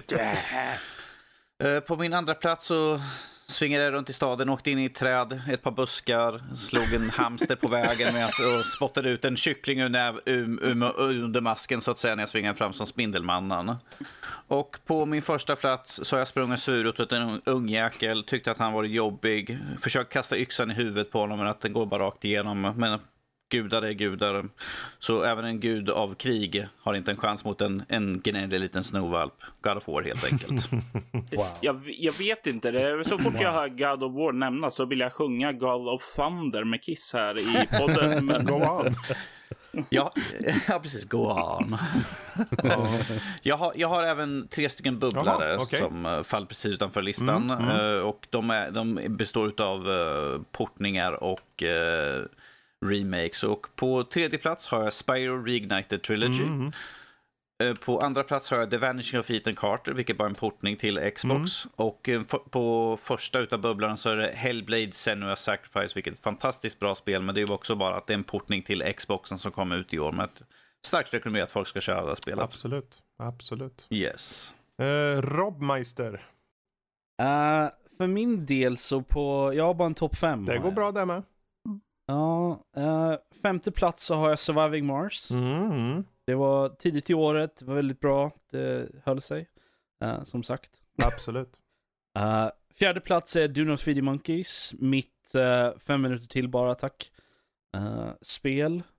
Och tredje plats är Spyro Reignited Trilogy. Mm. Uh, flyga runt lite som en drake, eller hoppa, skutta omkring som en drake ska jag väl säga snarare. Det är inte, mycket, det är inte så jättemycket flygande. Eh, I alla fall inte i första spelet. Men de andra två så har man lite mer. Ehm, och sen eh, andra plats så har jag även tagit mig till lite grekiskt uh, episkt Oj då. dödande i Assassin's Creed Odyssey. Och eh, på första plats så har jag svingat mig igenom eh, Manhattan på betydligt mer, vad ska man säga, gracefully. Och mindre uh, accident Kolla prone mamma, än vad är det vad uppe Danny i skyskrapan? Splat! Oj, ja, det var bara Rob. Ja, nej, det är, det- nej, det är det jag säger. Det är det som jag inte gjorde. Okej, okej, okej. Till skillnad Sure. från Danny så har jag lyckats in, undvika alla hamstrar och kycklingar och grejer. Nej, Eh, i du, du, har inte lika, du har inte lika kul som jag i alla fall, hör jag. Ja, nej, Spider-Man är min, min, min första plats. Eh, jag har även en, en, eh, en liten bubblare, Absolut. vilket är, då, vilket är då Beat Saber. Ja, just det. Eh, som jag inte känner riktigt platsade på min topp, men, men jag kände att det var värt att nämna, för jag hade kul med Mm. mm. spelare faktiskt. Eh, med tanke på att det är det, det är det första rytmspelet som jag faktiskt har ändå tyckt om att spela. Mm. Och då, Och det är där nog- du faktiskt har kunnat lärt dig, röra dig i rytm också. Ja, det är ju debatable, tror jag nog. Full sanning där. ja, Ja. eh, ja. Ja, men vad, Ja. vilken härlig lista. Alltså, ja. Fredrik, eh, yes. Fredrik, Fredrik. Då ska vi se, jag har en topp 10. På tionde Okej. plats, och jag valde ut den precis nu. Då får det bli Forza Horizon 4. För jag har haft dubbla Ah. titlar på många av de här på de lägre platserna. Och sen på nionde plats har vi Tesla vs Lovecraft. Eh, Twin Stick Shooter med... Eh, lo- eh, du spelar som Tesla som ska ge dig an och hitta den där nedriga Lovecraft som har lusat ner världen med massa monster. Eh, och sen har vi på åttonde plats Battlefield 5. På sjunde plats Far Cry 5. Många femmor. Eh, på sjätte plats Red Dead Redemption 2. Wow. På femte plats Assassin's Creed Odyssey. Mumsigt Mhm. värre.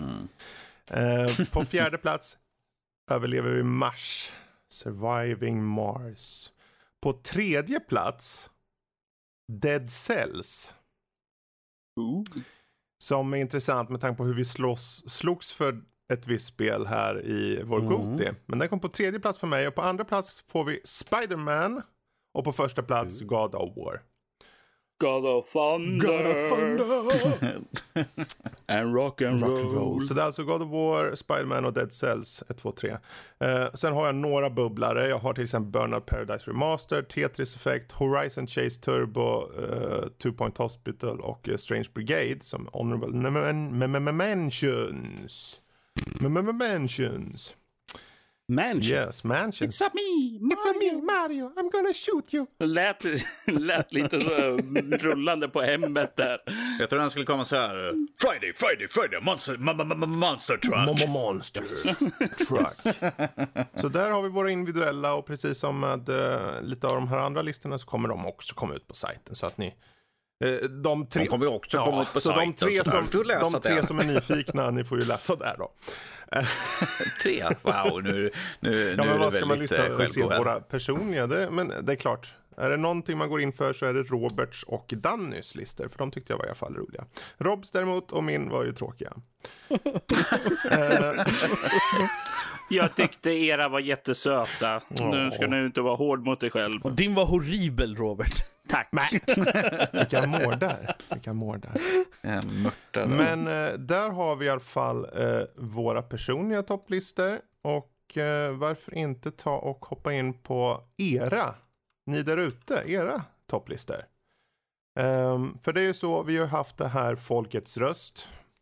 Gick ett par veckor. Vi har haft ett 50, 60, 70, 80-tal. Jag vet inte hur många röster vi fick på det. Ehm, men många var det. Det var högre än du kunde räkna i alla fall. jag kan ju bara räkna till sju så det blir lite svårt. Ehm, Sju? Ja, sju. Tuffmans topp 10 i så fall. Med det sagt, först tar vi och gör så här att vi tar och berättar vad topp 10 för folket är. Och sen går vi över till lite av de eh, motiveringstexter som kommer in. Och sen berättar vi också vem som vann. Men på topp 10 för er, folket, så har vi Battlefield 5 på tionde plats. Och på nionde plats har vi Pokémon Let's Go Pikachu Eevee. Lite, lite annorlunda. Eh, på åttonde plats har ni röstat fram Mutant Year Zero, Road to Eden. Det här stealth-like eh, i mutantvärlden. Som för övrigt är Jajamän. riktigt, riktigt bra. Eh, Mer rollspel åt folket. Precis. På en sjunde plats Super Smash Bros Ultimate. På sjätte plats Red Dead Redemption 2. På femte plats Detroit Become Human. På fjärde plats Celeste. Eh, det är faktiskt ett spel som vi har missat helt, får jag väl medge faktiskt. Eh, får se om vi hinner testa det. Fy skam. Ja, ja du kan också testa det in Mord. Om vi säger så här, det är ju gratis med Games with Gold för Xbox ju Men det har i januari. Ja, exakt. Så testa det för guds skull. För om ni säger att det är bra, då vill ju vi testa det. På tredje plats, eh, Marvel Spider-Man. På andra plats, Dead Cells. Och på första plats, God of War. Of Thunder. God Nej, of förlåt. Thunder. Så det är intressant. Det, det var så roligt att när vi satt och bubblade som galningar här, här om sistens för Goti del 1. Så visade det sig att i toppen i alla fall så blev det God of War, Dead Cells och Spider-Man. Vad är oddsen? Mm. Ja, det är såklart ganska bra odds med tanke på att det är bra spel. Ja. Men att Celeste kom där på fjärde plats tycker jag var jätteroligt. Faktiskt. Ja, ja, hade vi kört det så hade det ju säkert hamnat på våran lista, men, men uh, troligtvis. Mm. Ja, Ja, jag ja. tänker, om folk tycker att det är så bra så... Vi ska ju påminna om lite så det, var, det, var det något spel på den listan som vi inte hade på våran utöver Celeste? Ja, bra fråga där. Kan, jag kan kolla lite här vad vi har. Ehm, För våran lista bestod ju av God of War, Dead Cells, Spider-Man, Detroit Become Human, Mm. det finns några, nu, nu kommer jag bara gå på de som vi inte har pratat om då. Och i, i topp 20 här så hittar man bland annat eh, Pillars of Eternity 2 Deadfire, Mm. eh, Hitman 2. Eh, och Overcooked Mm. 2 kom faktiskt upp på, vad blir det där, 14 plats. Det är en, en högre än vad vi hade. Mm. Och då har de Ja. också med Ja. Monster Hunter World på 11 plats. Den var inte så långt ifrån faktiskt. Ja, Eh, vi eliminerade ju den väldigt Ja, tidigt. så jag tycker det var jättekul att se. Sen att de har till exempel Super Mario Party ganska högt. Och framförallt Yakuza 6. Som inte... vet inte vad smak är. För Yakuza 6 kom och gick ganska snabbt när vi eh, bubblade på där. Men eh, Ja, den var väl med i topp 50 tror jag, men jag tror inte den hamnade högre Mm. Ja, den är med, den är med i topp 50. precis. Eh, och lika så är det med Black Ops 4 och NHL. De kom relativt högt. Ja, de eliminerade vi fucking direkt. vi. och det det visar var ju bara... typ första saken vi Ja, gjorde. Men om vi säger så här, det var ju väldigt många spel. Men eh, om man ser till typ, vad säger man? Vi har ju en skala mellan 1 till 5. Och om man ser då till de som ligger på typ 3 och uppåt. Vilket är bra spel då. Så är det ju väldigt många spel som man har där. Som Surviving Mars, Mega Man. Eh, Black Ops 2 Point, Life is Strange och så vidare. Spyro är ju med också och slåss här. Vi tog ju bort det bara för att det var en remake då. I vår Goti. Men eh, folket får rösta vad de vill och den är med i, i toppen. Så. Men, Ja, med tanke på att den hamnade på två, eller ganska högt upp på två Mm. av våra personliga listor. Så jag menar, Ja. jag vet inte, det, det var bara jag och, och Sara som hade den på våra listor. ja. Det tror jag. Om inte Danny hade den. Men det tyckte inte jag mig höra den titeln. Så, Nej, så den är, det, det är bra. mm. Men, med det sagt. Där var i alla fall de spelen som var i Folkets röst topp 10. Och då kan man ju undra, okej, men vad har folk eh, skrivit för något Goti-spel då? För det är ju många som har skrivit också, för de vill ju vara med på den här tävlingen vi hade. Och vi har fått alla möjliga spel. Det var en eh, kille som faktiskt röstade eh, fram, och det är inget illa ment nu, jag tycker bara kul, men att den röstade fram faktiskt Metal Gear Survive som sitt Game of the Year. Bara det tycker jag är kul att någon fann ändå njutning i det, så att säga. Ja, men det, Kan- det är ju kan- det där det kommer så väldigt många olika spel. Det finns ju ofta det du, Mm. som inte tilltalar en själv. själv. Då kan man ge sig sjutton på att det är någon annan Precis. som njuter av det. Okej, jag, jag vill bara, jag vill inte låta elak heller på det här sättet, men... men Så gör jag, det inte då. Ja, nej, jag vill, vill bara fråga då, liksom, har, han- har han spelat något annat spel? Ja, vi kan ju titta. Jag kommer förmodligen till honom. eh, för jag sitter och kollar igenom de här. Jag, ska ta, jag tänker jag ska ta några av de här motiveringarna av de som inte vi har i vårt kort här som vi läser på. Mm. Eh, dels kan man se att till exempel Monster Hunter World har fått mycket eh, Ja. god kritik. Bland annat har vi då från Niklas här som skriver Monster Hunter World på grund, som sitt Game of the Year då och varför. Monster Hunter World på grund av ett stort lyft från de tidigare spelen. Även ett spel som kräver mycket av dig som spelare. Hundratals timmar av content för den som vill djupdyka i rustningsbyggande och monsterslakt. Finns få Mm. spel som ger mig så stark känsla av att faktiskt lyckas besegra något svårt och maffigt. Så det, det visar bara på att det här spelet verkligen har, du- fastnar du för det här spelet, då sitter du verkligen fast där och kör bara järnet. Ja, nej, men de, de perso- det är det jag hör. Alltså, de personer som verkligen tycker om sådana spel, Mm. de älskar ju verkligen det spelet. Jag har ju flera vänner som, som, som verkligen älskar de spelen. Mm. Liksom, kan sitta i evigheter. För att det är liksom, det, det, det tilltalar dem på, på, ett, eh, på ett annat sätt än vad det skulle göra mig till Mm. exempel. För jag vet ju att jag personligen inte skulle tycka om spelet.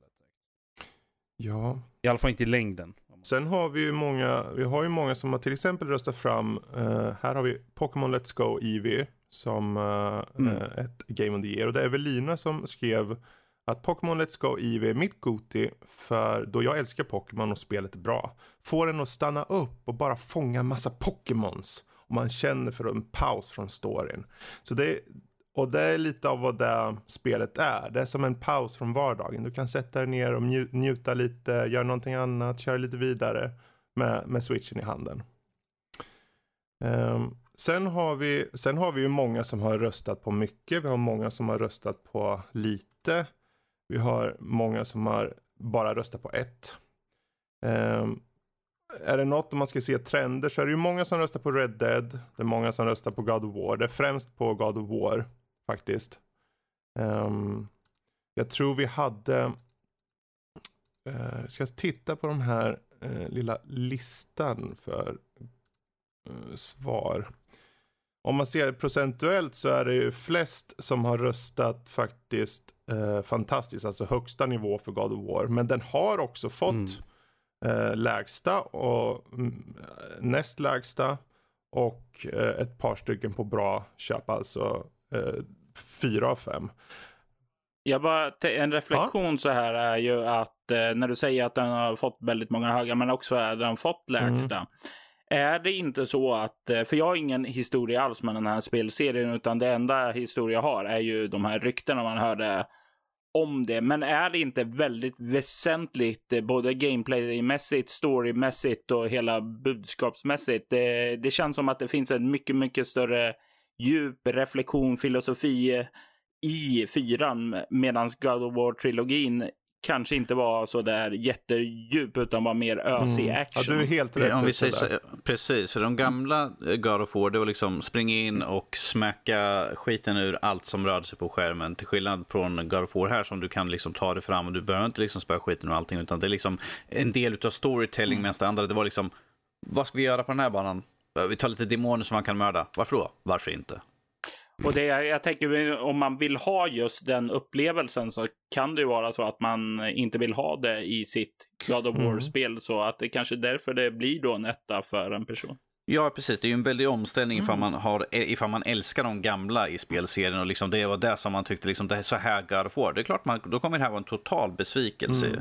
I så fall. För det är totalt annorlunda, det är ett helt annan kameravinkel, ett helt annat fighting-system, det är en helt annan storytelling och liksom han är inte den här, jag är bara arg och mördar allt. Varför då? För jag är arg, jag mördar allt.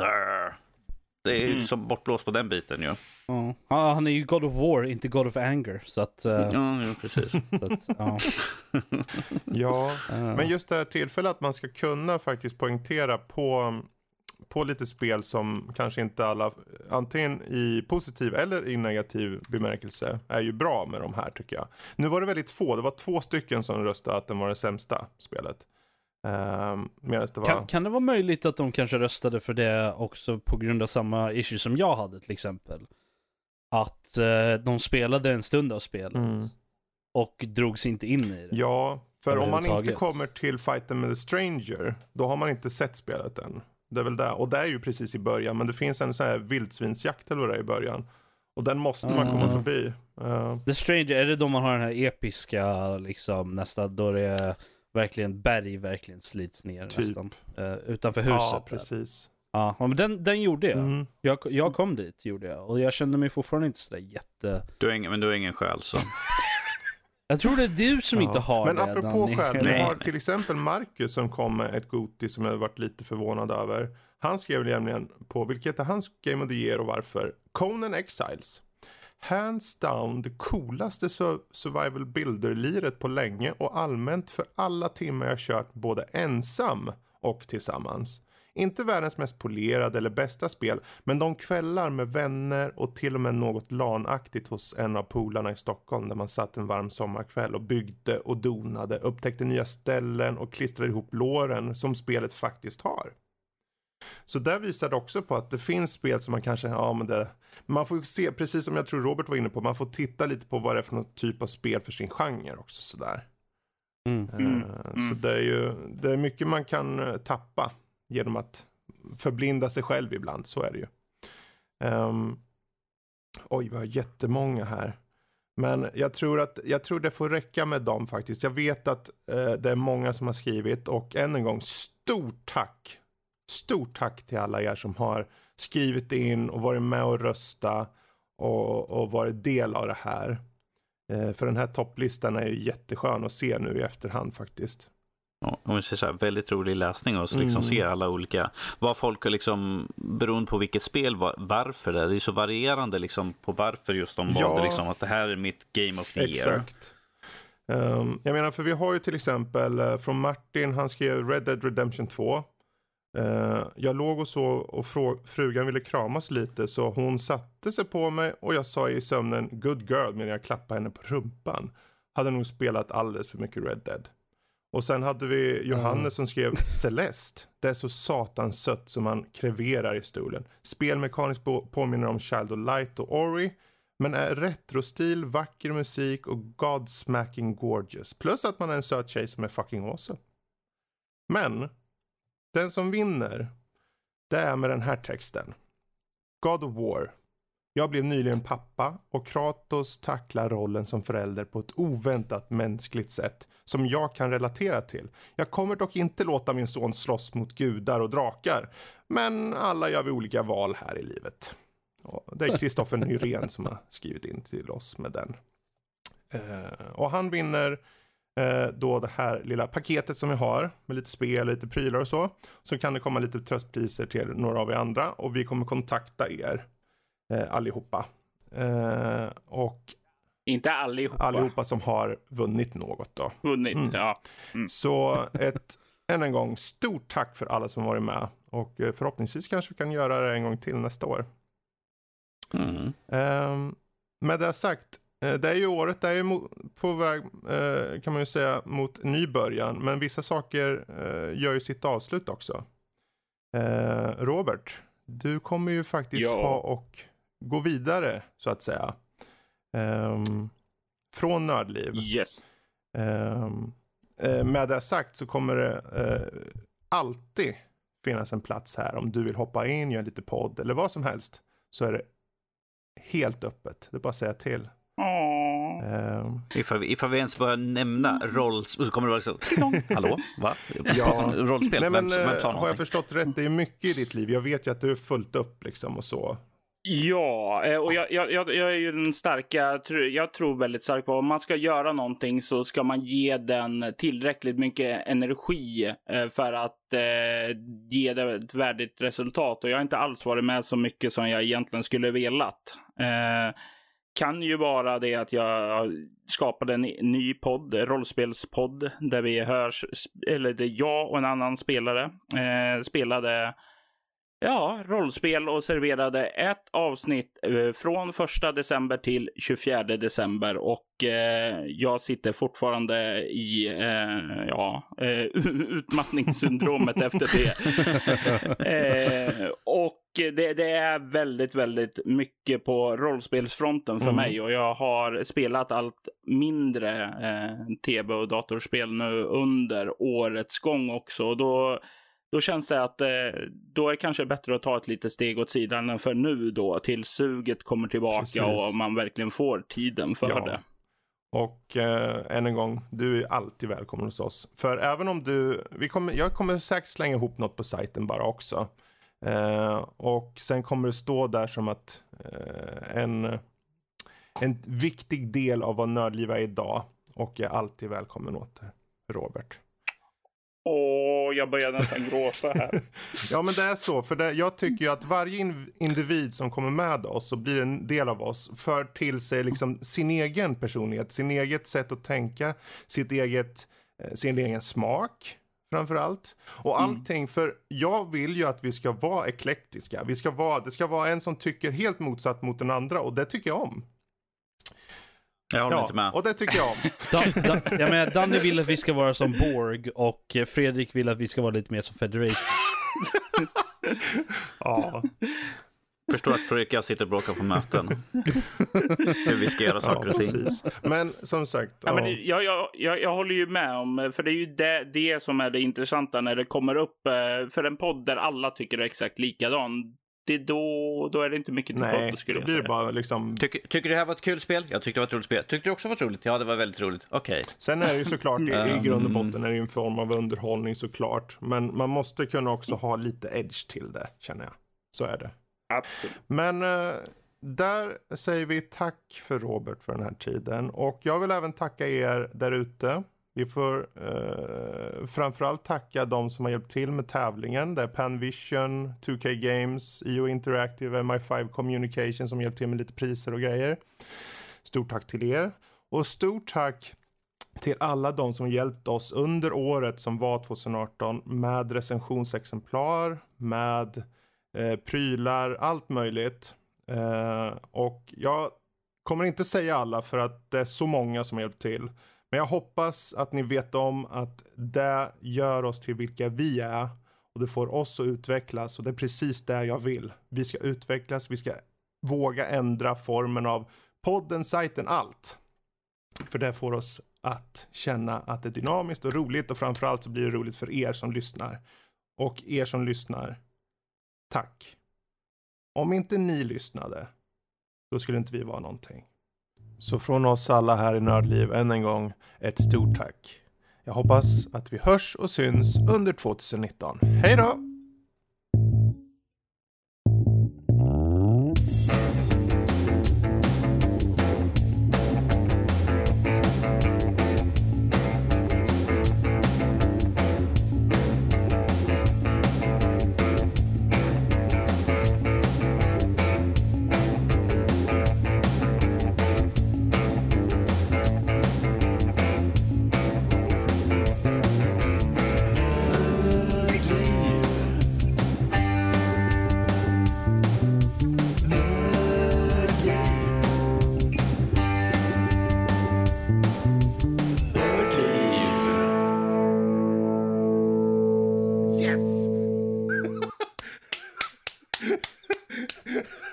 God of Wonder. Jättebra.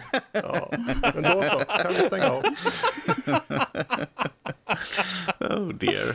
Oh jösses.